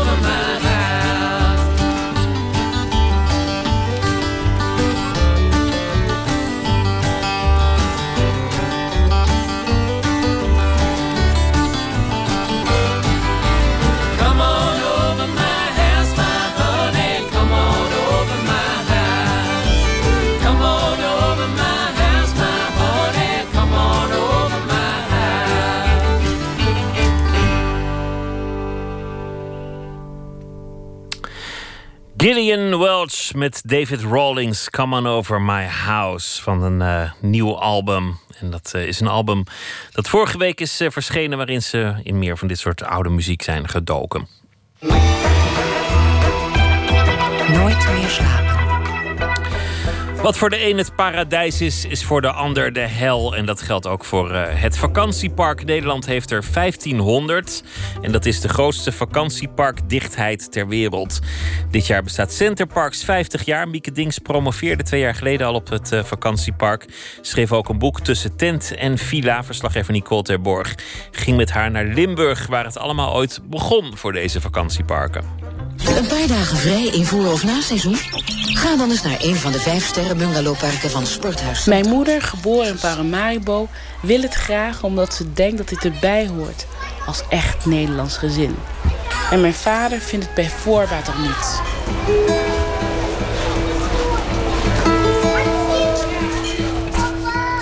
Het is midden jaren tachtig wanneer ik als klein meisje voor het eerst naar een vakantiepark ga. Een sporthuiscentrum dat later veranderde in Centerparks. De kamers zijn kleiner dan thuis. De oranje dekens op bed kriebelen op mijn huid. En mijn ouders zijn chagrijnig. Nee, ik heb geen fijne herinneringen aan vakantieparken.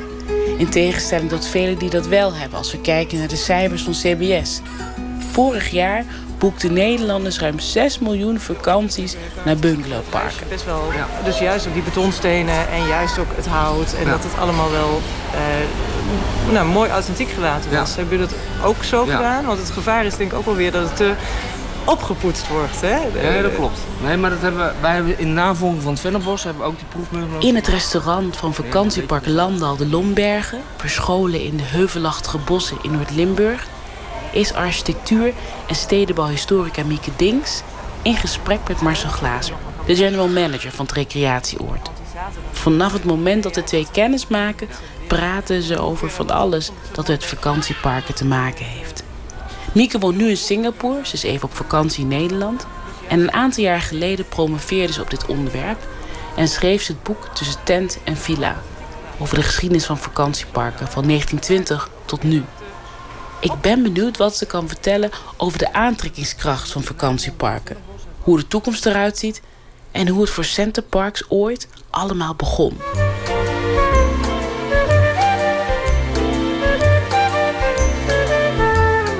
We zijn in het park eh, de Lommerbergen. En de Lommerbergen was het eerste park van Sporthuis Centrum. Uh, heet nu Centerparks.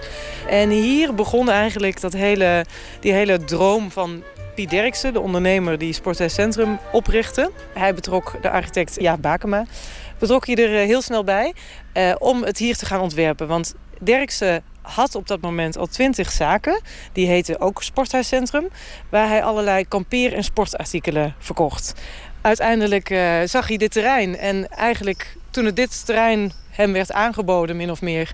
had hij zoiets van, nou, dit, tuurlijk, dit is de meest logische stap. Ik ga nu mijn hele leven, dat eigenlijk continu in dienst van de recreatieve mens heeft gestaan... ga ik een stap verder brengen door ook echt een, uh, een vakantiepark op te richten... waar mensen nou ja, gewoon kunnen recreëren.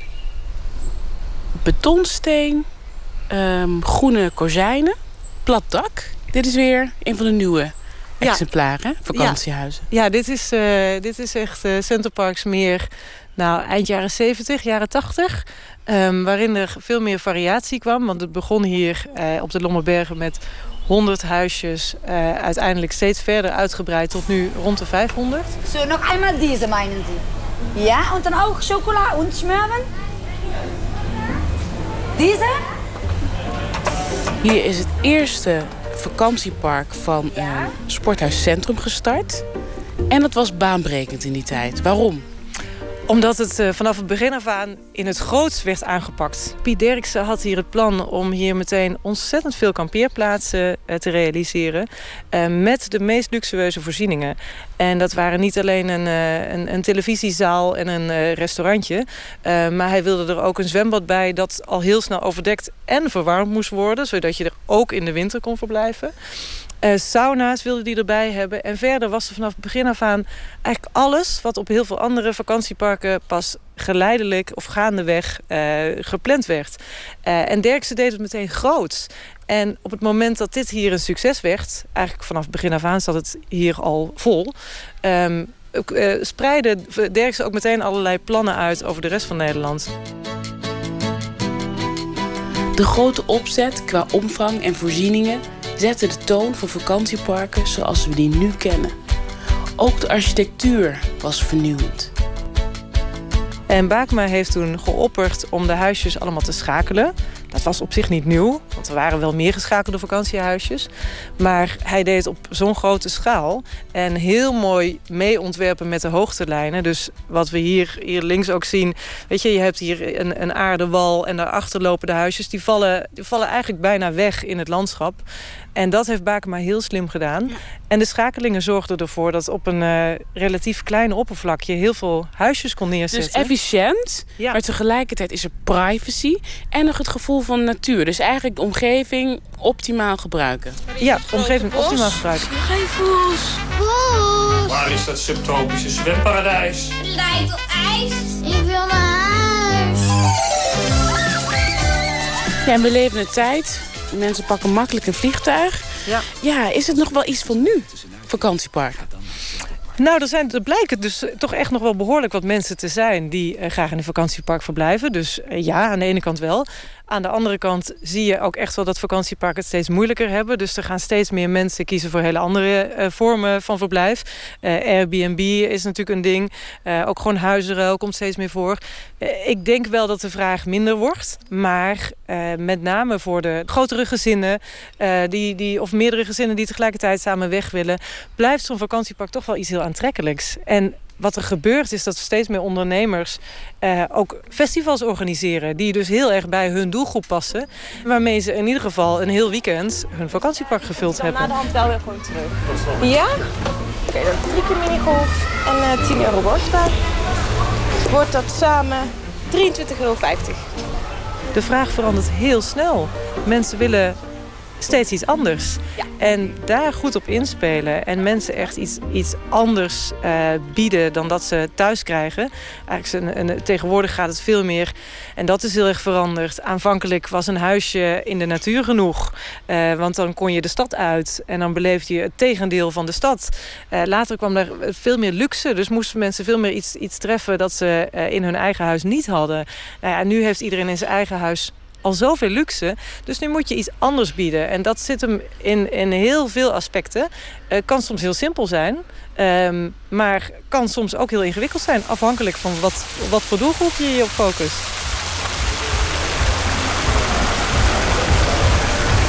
Hier is het subtropisch zwemparadijs. En dit is heel belangrijk geweest in de ontwikkeling van de vakantieparken. Hè? Hoe zit dat? Op een gegeven moment werd duidelijk dat steeds meer mensen op vakantie gingen in andere landen. En wat kun je dan bedenken om ze in Nederland te houden? Want er vloeide natuurlijk heel veel kapitaal het land uit. Uh, en waar Piet mee kwam was dus het subtropisch zwemparadijs. En als je dan hier kijkt, nou ja, weet je, je ziet de, de palmbomen en een soort van avontuurlijke kinderspeeltuin met papegaaien. En uh, langs de kant allemaal tafeltjes en stoelen. Echt een plek om een hele dag door te brengen als het regent buiten. En dat heeft die uh, parken in Nederland echt tot een, uh, ja, een hele nieuwe impuls gegeven. En er ook echt voor gezorgd. Dat was eigenlijk het begin van de attractievorming, zoals je dat kunt noemen. Waarbij er steeds meer attracties op die parken kwamen. En die attracties hebben er echt voor gezorgd dat het, het Nederlandse park een exportproduct werd. Eentje met uh, aardbeien, Jochem Bosbessen en Amarena Kersen. Amarena Kersen. Wil je dan een bakje of een oortje? Een bakje.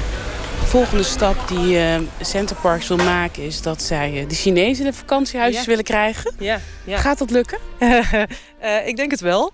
Um, ik denk wel dat de vraag is, alleen al omdat China enorm rap verstedelijkt... Uh, en dus mensen op zoek zijn naar ontspanning. Uh, dus ik denk dat dat zeker een succes wordt. Hoewel er nu ook al gezegd wordt... ja, Chinese kinderen kunnen niet zo goed zwemmen. Dus een wildwaterbaan in een subtropisch zwemparadijs... is misschien wel veel te gevaarlijk. Er moeten geen kinderen verdrinken. Dus er zullen absoluut allerlei dingen aangepast moeten worden in de formule. Maar ik denk wel dat er vraag naar is. Ja. De Nederlandse markt van vakantieparken is volgens Mieke Dings verzadigd. En daarom krijgen sommigen een andere bestemming. Zo zijn er parken die weer natuurgebied worden... of die veranderen in een reguliere woonwijk... of het worden plekken voor ouderenhuisvesting. En dat is natuurlijk ideaal, want je hebt, je hebt al best wel wat voorzieningen. Het is uh, beperkt. Veel van die parken zijn ook echt afgeschermd met een hek. En op het moment dat je daar ook nog zorg kunt bieden voor ouderen... ja, waarom niet? Uh, dus aan dat soort formules wordt ook heel erg gedacht. En het park waar we nu rondlopen met die huisjes van uh, Bakema... Uh, die zijn ook vrij eenvoudig. Heel ruw. Dus heel erg passend in de natuur. Een beetje ruig. maar tegenwoordig willen mensen of nog veel ruiger, een boomhut... of juist heel erg chic en comfortabel, een soort strandvilla. Nu het woord strandvilla is genoemd, moet ik het vertellen... Het was dit type vakantiehuis dat me vorig jaar overstag deed gaan. Met drie gezinnen uit mijn familie heb ik op een Zeeuws park vakantie gevierd. En het was heerlijk.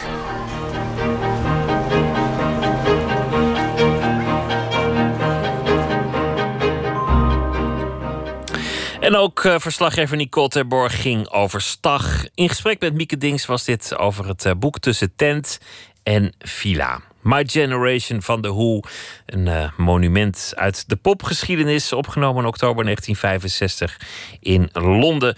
Tom Steenberg is hier zometeen schreef een uh, boek over die muziekgeneratie. Maar we gaan eerst luisteren naar The Who.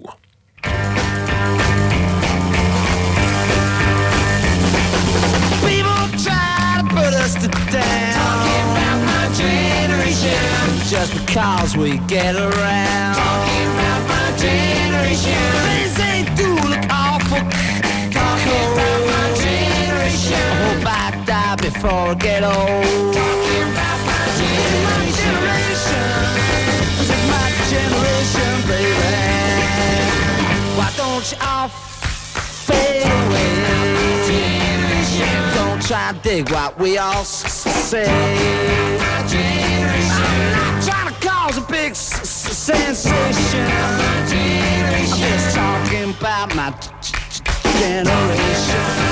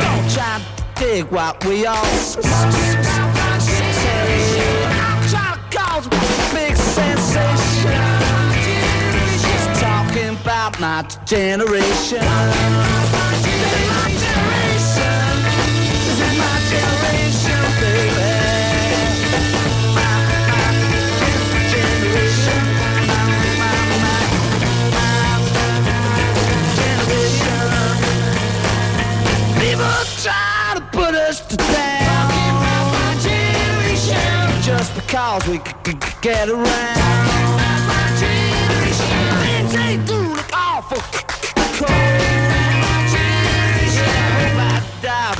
Get old.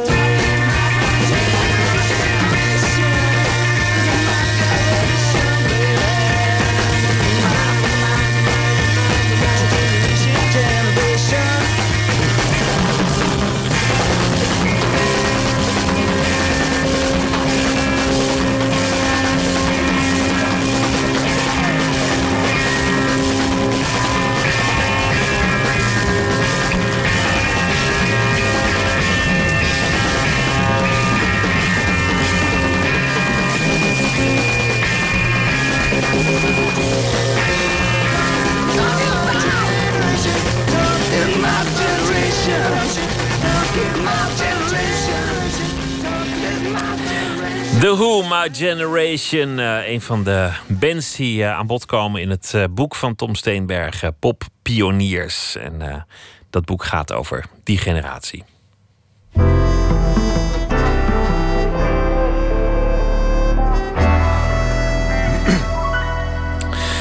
De rubriek heet Open Kaart, een bak met vragen over werk en leven. Te gast is eh, Tom Steenbergen. Hij heeft een, eh, een boek gemaakt, Pop Pioniers. En het gaat over de jaren 60. Tegenwoordig hebben we een rijk eh, muziekleven in ons land. Veel clubs, veel festivals en veel media ook. Maar het is ooit allemaal ontstaan in relatief korte tijd in de jaren 60. Hij interviewt de grondleggers van de Nederlandse muziekindustrie. En hij beschrijft ook hoe de, de popmuziek Nederland veroverde. Met eh, een, een prachtig geïllustreerd eh, boek doet hij, doet hij dat. En hij heeft zelf ook eh, altijd in de muziek gewerkt in heel veel verschillende hoedanigheden. Tom Steenbergen, welkom. Goedenavond. Het begint allemaal in 1964. Dat is de, de, de oerknal zo'n beetje. Waar was je toen? Ehm, ik was 15. Ehm, ik was wel bewust van popmuziek, maar nog niet zozeer van eh, wat er allemaal live gebeurde. Maar dat was het jaar dat de Beatles en de Rolling Stones opkwamen. Eh, we waren in Nederland een beetje eh, laat met de acceptatie van de popmuziek. We zaten midden in het stoffige jaren 50 tijdperk. Eh, tussen 10 plus en 20 min was er dan nog wel net. Dat was een, eh, publieke eh, omroep pro- radioprogramma... wat een half uurtje was voor de jeugd. En de andere zeven dagen in de week werd er eh, Maar er werden de waterstanden omgeroepen, de nieuwsberichten en de... Ja, je beschrijft het, er werd voornamelijk gepraat op de radio. Gepraat en, en eh, kerkdiensten en eh, Moeders is Wet en noem dat soort dingen maar op. Dus eh, popmuziek was, begon net te ontluiken. En in die tijd groeide ik op, dus ik ben eigenlijk helemaal met die, met die muziek en met die tijd meegegroeid. Ja.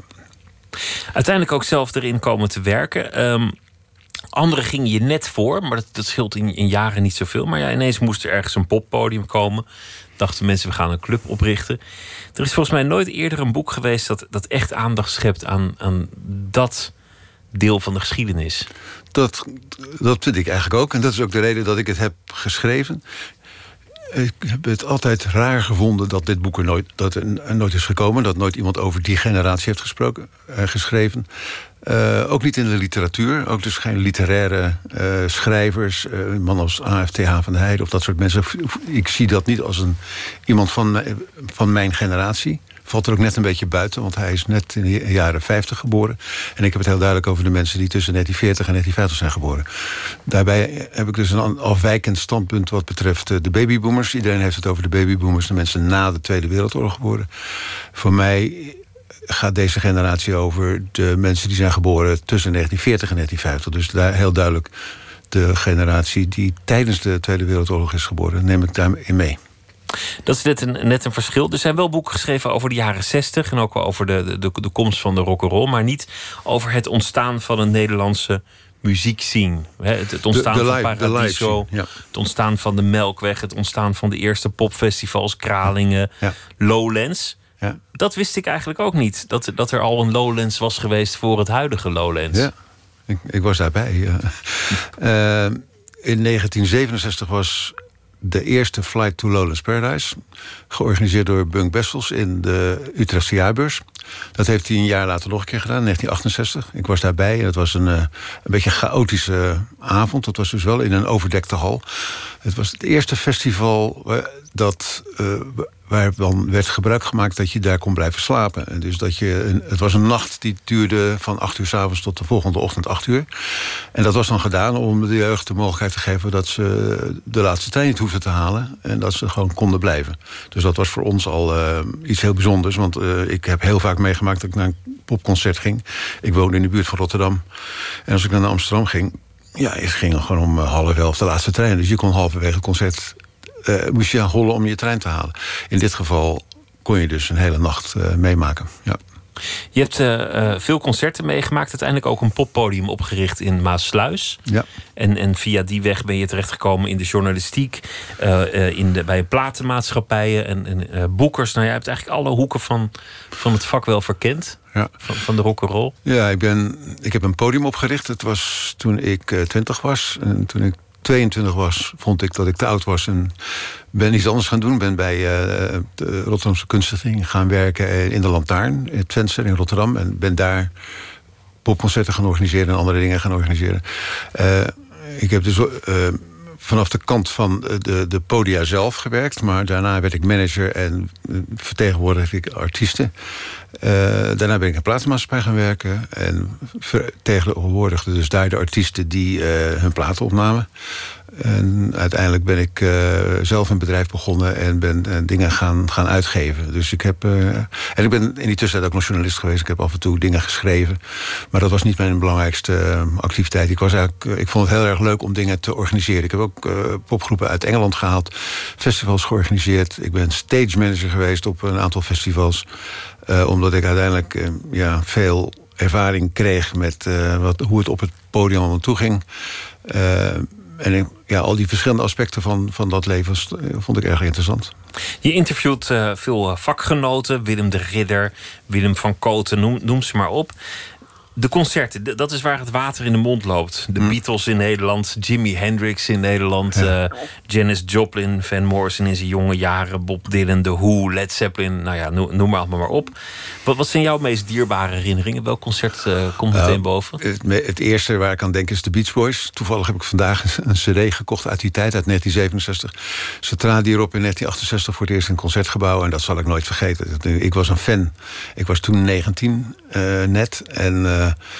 eh, ik zie ze die trap afdalen van het concertgebouw... en eh, het nummer Darling inzetten. En ik hoorde dus al die hits achter elkaar die, die ik op de plaatjes draaide. En voor mij was het een absolute sensatie. En dat is ook een beetje waar het boek over gaat. Eh, er zijn ongelooflijk veel boeken verschenen over de artiesten zelf... en over, over de platen die ze hebben gemaakt en de hits. En ik heb zelf ook het hitdossier als boek gemaakt... Maar dit was een live ervaring. En wat je nu ziet in de, in de wereld van de, van de popmuziek... is dat die live ervaring, dus het zelf bijwonen van een popconcert... of het nou op een festival is of in een zaal... dat dat uh, ja, toch de ultieme ervaring is. En dat die muziek op, uh, op, op, dragers, op, in, in, wat nu is uh, Spotify of, of iTunes... dat dat een beetje naar het tweede plan gaat. Dus het samen beleven en naar muziek luisteren... in een zaal of, of, of op een festival. Ik kom net dus van Lowlands vandaan afgelopen weekend. Ja, dat is de, de ultieme ervaring. Laten we beginnen met uh, de vragen. Ik wil je vragen om een uh, vraag te trekken. Oké. Okay. En, en, dan kijken we wel waar we uitkomen. Oké. Okay. Waar geef je het meeste geld aan uit? Um, aan platen. Ja? Oh ja, ik heb in, mijn, in cd's en lp's. Ik koop nog steeds uh, platen. Ik moet wel zeggen dat ik de laatste tijd ook wel een beetje aan het verkopen ben. Want ik blijk dus hele zeldzame platen te hebben... die ik dan op beurzen verkoop. Maar ik heb vandaag nog dus een cd gekocht van in dit geval de Beach Boys. En ik heb misschien wel de 27e uitvoering van uh, God Only Knows... of van uh, Breakaway of van een van hun hits. Maar dit is dan weer een uitvoering die uh, toevallig dan in een studio is gemaakt... dat je alleen de, de backing track hoort of dat je een speciale outtake hoort. Um, maar ik geef daar in en, en boeken. Ik koop de laatste tijd heel erg veel biografieën van artiesten. Ik ben nu bezig met de biografie van Bob Dylan, geschreven door Bob Shelton. Dus de man die zijn officiële biograaf is. Fantastisch boek. En uh, ja, dat, dat, daar smel ik van. Laten we nog een vraag uh, trekken. Ik pak gewoon de eerste. Wanneer ben je wanhopig in het maakproces? Mm, nou, dat ben ik wel geweest, omdat ik... Uh, toen ik dit boek aan het schrijven was, had ik misschien een beetje een luxe probleem, maar ik had te veel woorden. Dus ik had op een gegeven moment 120.000, 130.000 woorden geschreven. En mijn uitgever zei van, ja, sorry hoor, maar uh, we hebben een boek voor ogen... en dan gaan er maar 80.000 in. Dus ik moest 40.000 woorden schrappen. Nou, dat was voor mij even wanhoop. Want uh, ja, kill your darling, zoals dat heet. Ik moest dus dingen eruit gooien. Echt, echt snijden. Echt snijden, ja. En dat vond ik erg jammer, ja. Laten we nog één doen. Ik pak er nog één. Wanneer laat je iemand vallen?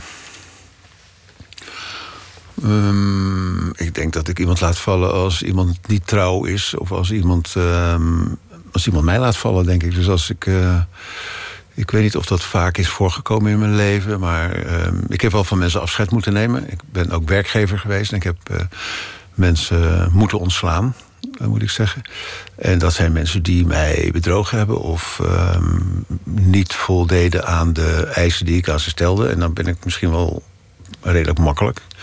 Maar als iemand gewoon uh, uh, met de bed naar gooit... of, uh, of mij, mij, mij belazert, dan laat ik ze vallen, ja. Duidelijk. ja. Kan ook af en toe wel een harde zakenman zijn. Ja, dat moet ook wel, ook in de rock'n'roll. Kun je goed afscheid nemen? Um, nou, als het van mijn dierbare is niet, dat vind ik heel moeilijk. Als het gaat om afscheid nemen van iemand voor een tijdje niet zien... dan uh, weet ik dat ik daarna weer iemand zal, weer zal tegenkomen. Ik heb uh, kleinkinderen, uh, kinderen en kleinkinderen. En als ik op vakantie ga of een, een, een tijd naar het buitenland ga... dan heb ik daar wel moeite mee. maar ik weet dat ik ze dan weer terug zie. Aan de andere kant heb ik ook afscheid moeten nemen van veel familieleden. Mijn beide ouders en mijn broer en mijn zus. En dat... Dat is heel moeilijk. Dat is echt afscheid? Dat is echt afscheid nemen. En in alle gevallen, in het geval van mijn ouders... was ik ook degene die uh, de um, begrafenis um, organiseerde... en de afscheidsspeech deed. En ik was op een gegeven moment ook de, de oudste in, het, in de familie, de paterfamilias. Dus dan wordt het wat moeilijk, want dan heb je ook mensen om je heen... die je moet troosten. En uh, dan moet je dus leiding geven aan dat afscheidsproces. Dat is niet makkelijk... Uh, dat, uh, ja, dat vond ik niet makkelijk. Nee. nee. Dat is ook niet makkelijk. Nee. Dus kun je goed afscheid nemen. In zo'n geval is dat gewoon heel erg moeilijk. En uh, gelukkig is het uh, in mijn, nog dichterbij. Ja, je ouders op een gegeven moment. Mijn ouders waren 90 en 91. Dus dat is. Um, dan heb je ze hele, je hele leven bij je gehad. Eh, het lijkt me ongelooflijk moeilijk eh, om afscheid te nemen van iemand die veel jonger is. Ik heb net een eh, co- collega verloren. Iemand die. ehm, eh, ik heb ook bij de, bij een omroep gewerkt. En, eh, dat is iemand die 43 was en overleed kort geleden. eh, eh, in een gezin met drie kinderen. En dat is natuurlijk eh, heel erg moeilijk. Ja. Zeker. Laten we nog een vraag doen. Bij wie ben je in de leer geweest? Ik ben eigenlijk een beetje een self-made man, moet ik zeggen. Ehm, ik vind het, vond het heel leuk om allerlei nieuwe dingen te doen. Mijn boek gaat ook heel duidelijk over mensen die eh, op avontuur gaan. Dat zei Willem, de Rid- Willem van Koten. We gaan op avontuur. Willem de Ridder die, eh, die was helemaal iemand die in het diepe sprong. Eh, dus ik heb heel veel eh, geleerd door het te doen en door, door, van mensen, eh, door naar mensen te kijken. Ik keek op tegen iemand als Willem de Ridder. Die, eh, dat is de man die Hitweek begon en ehm, overigens ook dus Paradiso is begonnen. En, En laatst hier, hier nog te gast was in dit programma. Is dat zo? Oh, wat Ja, leuk. ja. Oh, dan heb ik dat gemist. Ja, ik vind het is een fantastische vent. En ja, vond ik ook. Toen ik hem ontmoette, dacht ik ook van... eh, ik heb hem toen ontmoet. En ik ben bij hem langs geweest in, eh, ik denk in 1968. En zat hij in dat kamertje daar in, op de Alexander Boerstraat. En, en, en dus plakt hij dat hele, dat hele blad aan elkaar. Maar die man die is gewoon compleet wars van, eh, van conventies. En fantastisch. Hij, dat blad wat hij toen had, was in feite ehm, Facebook avant la lettre. Want iedereen kon naar het blad schrijven. Hij zette gewoon de deur open van, nou, en letterlijk ook de, de brievenbus.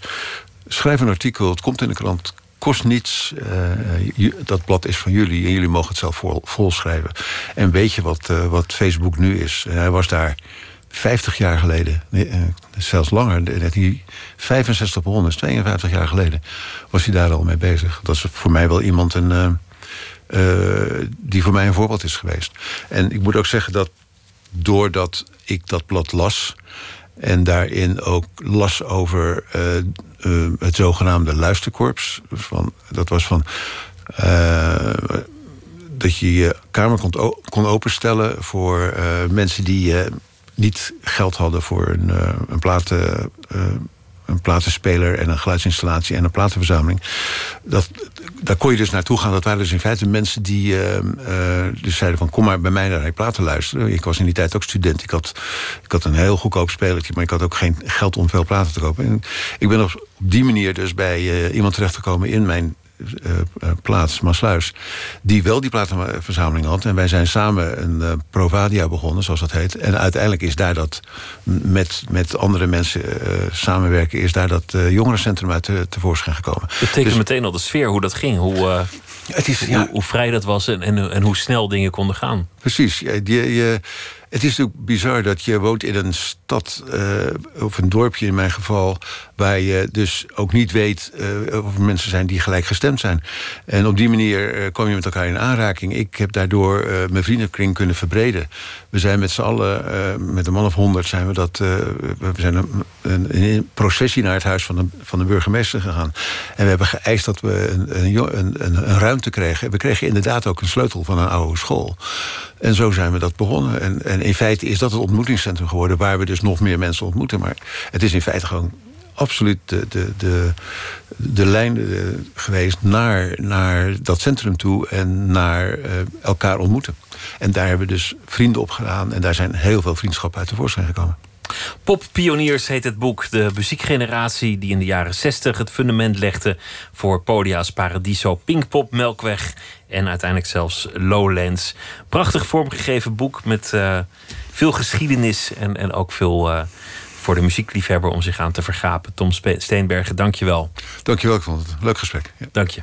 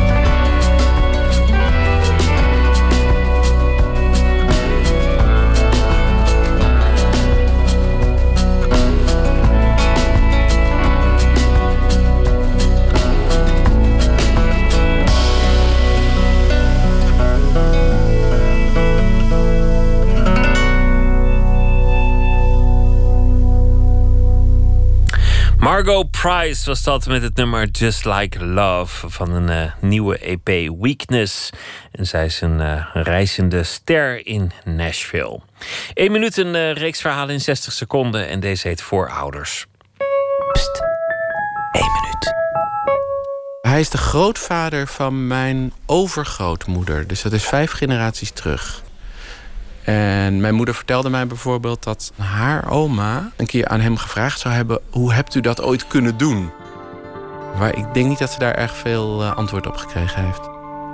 Er zijn ook kasboeken en dan zie je dus lijstjes met dingen staan die op zo'n plantage zijn, schuren of gereedschappen. eh, Maar ook mensen, dus namen van, van Sam of van iemand anders. Met daarachter voor welk bedrag die in de boeken staat en die dus van de een aan de ander verkocht wordt. Ik was er wel een beetje van, van rillen eigenlijk toen ik dat las. Ja, die zijn dus ook de voorouder van iemand die ik ieder moment kan tegenkomen. Kijk, ik weet dat mijn grootvader in het verzet heeft gezeten. En daar kan ik heel trots op zijn. Maar ik heb het niet gedaan. En nadenkend over die andere voorouder verder terug... drong het tot me door dat het natuurlijk vreemd is... om trots te zijn op de ene en niet me schuldig te voelen over die andere. Eén minuut gemaakt door Katinka Beer. De Rolling Stones die kunnen er ook nog wel bij. Wild Horses.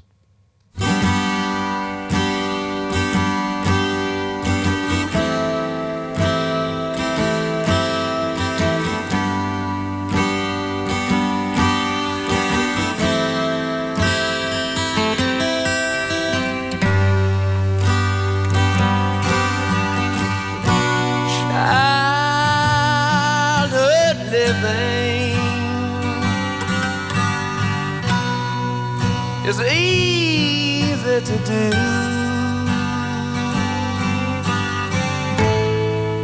The things you wanted, I bought them for you. graceless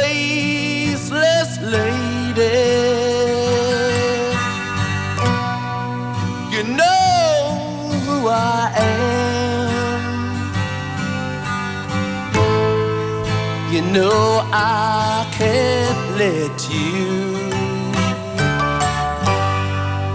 slide through my hands.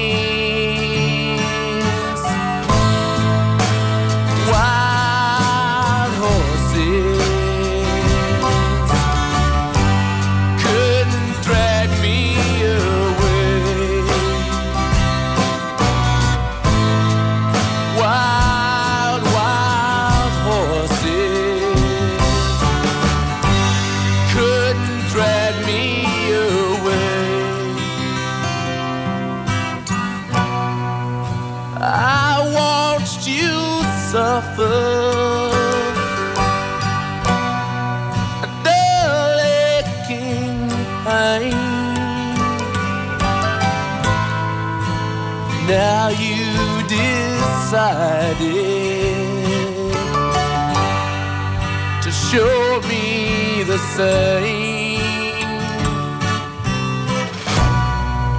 No sweeping exits.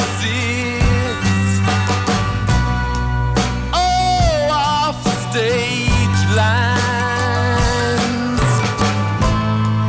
could make me feel bitter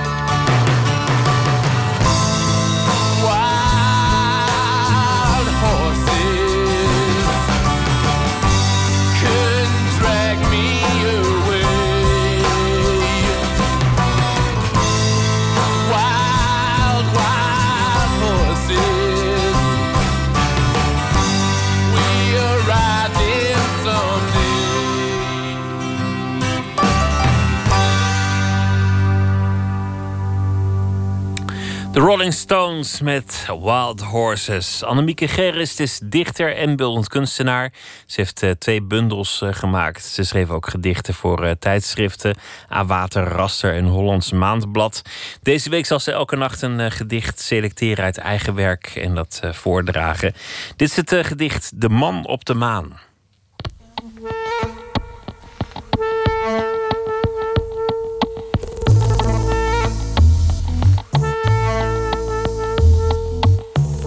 De man die op de maan de vlag had geplant, leest vandaag in de krant dat de vlag is omgevallen. Op aarde staan zijn grote maanschoenen in een museum. Ze hebben het maanstof nog in de naden. Toen hij klein was, droomde hij van blote voeten in groen gras. Sinds hij op de maan is geweest, heeft hij het altijd koud. Zijn huwelijk begon met auto's die luid toeterend door de straten reden. Hij zat in de voorste auto. Iemand met een gitaar voor zijn buik zong een lied over een man op de maan. Hij stak wat sla in zijn mond. Zijn vrouw vroeg wat ze die avond aan moest trekken, want ze hield niet van wit. Dat deed haar weer denken aan de maan. In de avond had hij het koud. Toen de maan scheen op zijn lakschoenen en hij danste met zijn vrouw in zijn armen. Dit was naar aanleiding van een artikel waarin ik las. ehm, de zin, de, de kop van de zin. De vlag op de maan is omgevallen. En ik dacht, wat als de man die die vlag heeft geplant, nou vandaag de krant opslaat en leest dat die is omgevallen, dan is die echt totaal voor niks naar die maan gegaan. Hup, vlag erin en weer terug. Dat vond ik zo zielig dat ik me ging verplaatsen in de man. De man die op de maan de vlag had geplant, leest vandaag in de krant dat de vlag is omgevallen. Op aarde staan zijn grote maanschoenen in een museum. Ze hebben het maanstof nog in de naden. Toen hij klein was, droomde hij van blote voeten in groen gras. Sinds hij op de maan is geweest, heeft hij het altijd koud. Zijn huwelijk begon met auto's die luid toeterend door de straten reden. Hij zat in de voorste auto. En iemand met een gitaar voor zijn buik zong een lied over een man op de maan. Hij stak wat sla in zijn mond. Zijn vrouw vroeg wat ze die avond aan moest trekken, want ze hield niet van wit. Dat deed haar weer denken aan de maan. In de avond had hij het koud, toen de maan scheen op zijn lakschoenen en hij danste met zijn vrouw in zijn armen. Annemieke Gerrist met het gedicht De Man op de Maan. Vorig jaar na een eh, paniekaanval op het podium besloot de, de zanger Noah Gunderson alles anders te doen. En nu schrijft hij wat minder over zijn eigen leven. Hij heeft een eh, nieuw album en we gaan luisteren naar het eh, nummer dat heet Bad Desire.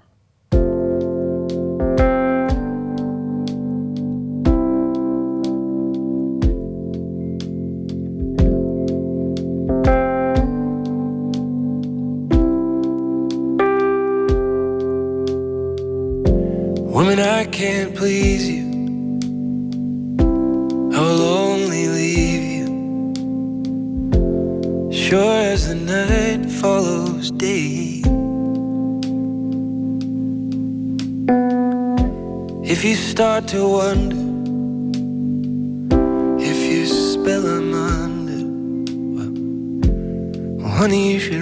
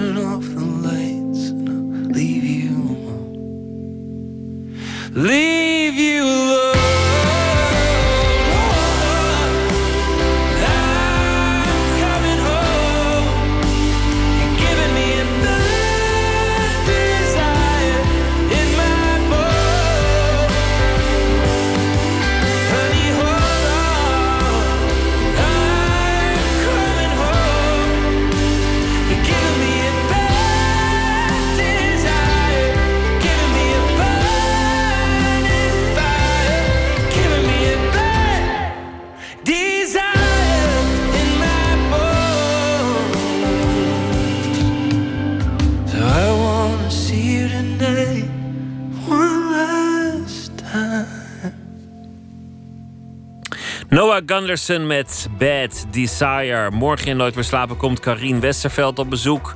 Zij eh, schrijft onder meer voor de Groene Amsterdammer over haar eh, nieuwe thuisland Kenia. En eh, het gaat over Nairobi, waar ze zelf woont. Het nieuwe boek De Afrikaanse Droom. Dat allemaal morgen in Nooit meer slapen. Voor nu een hele goede nacht.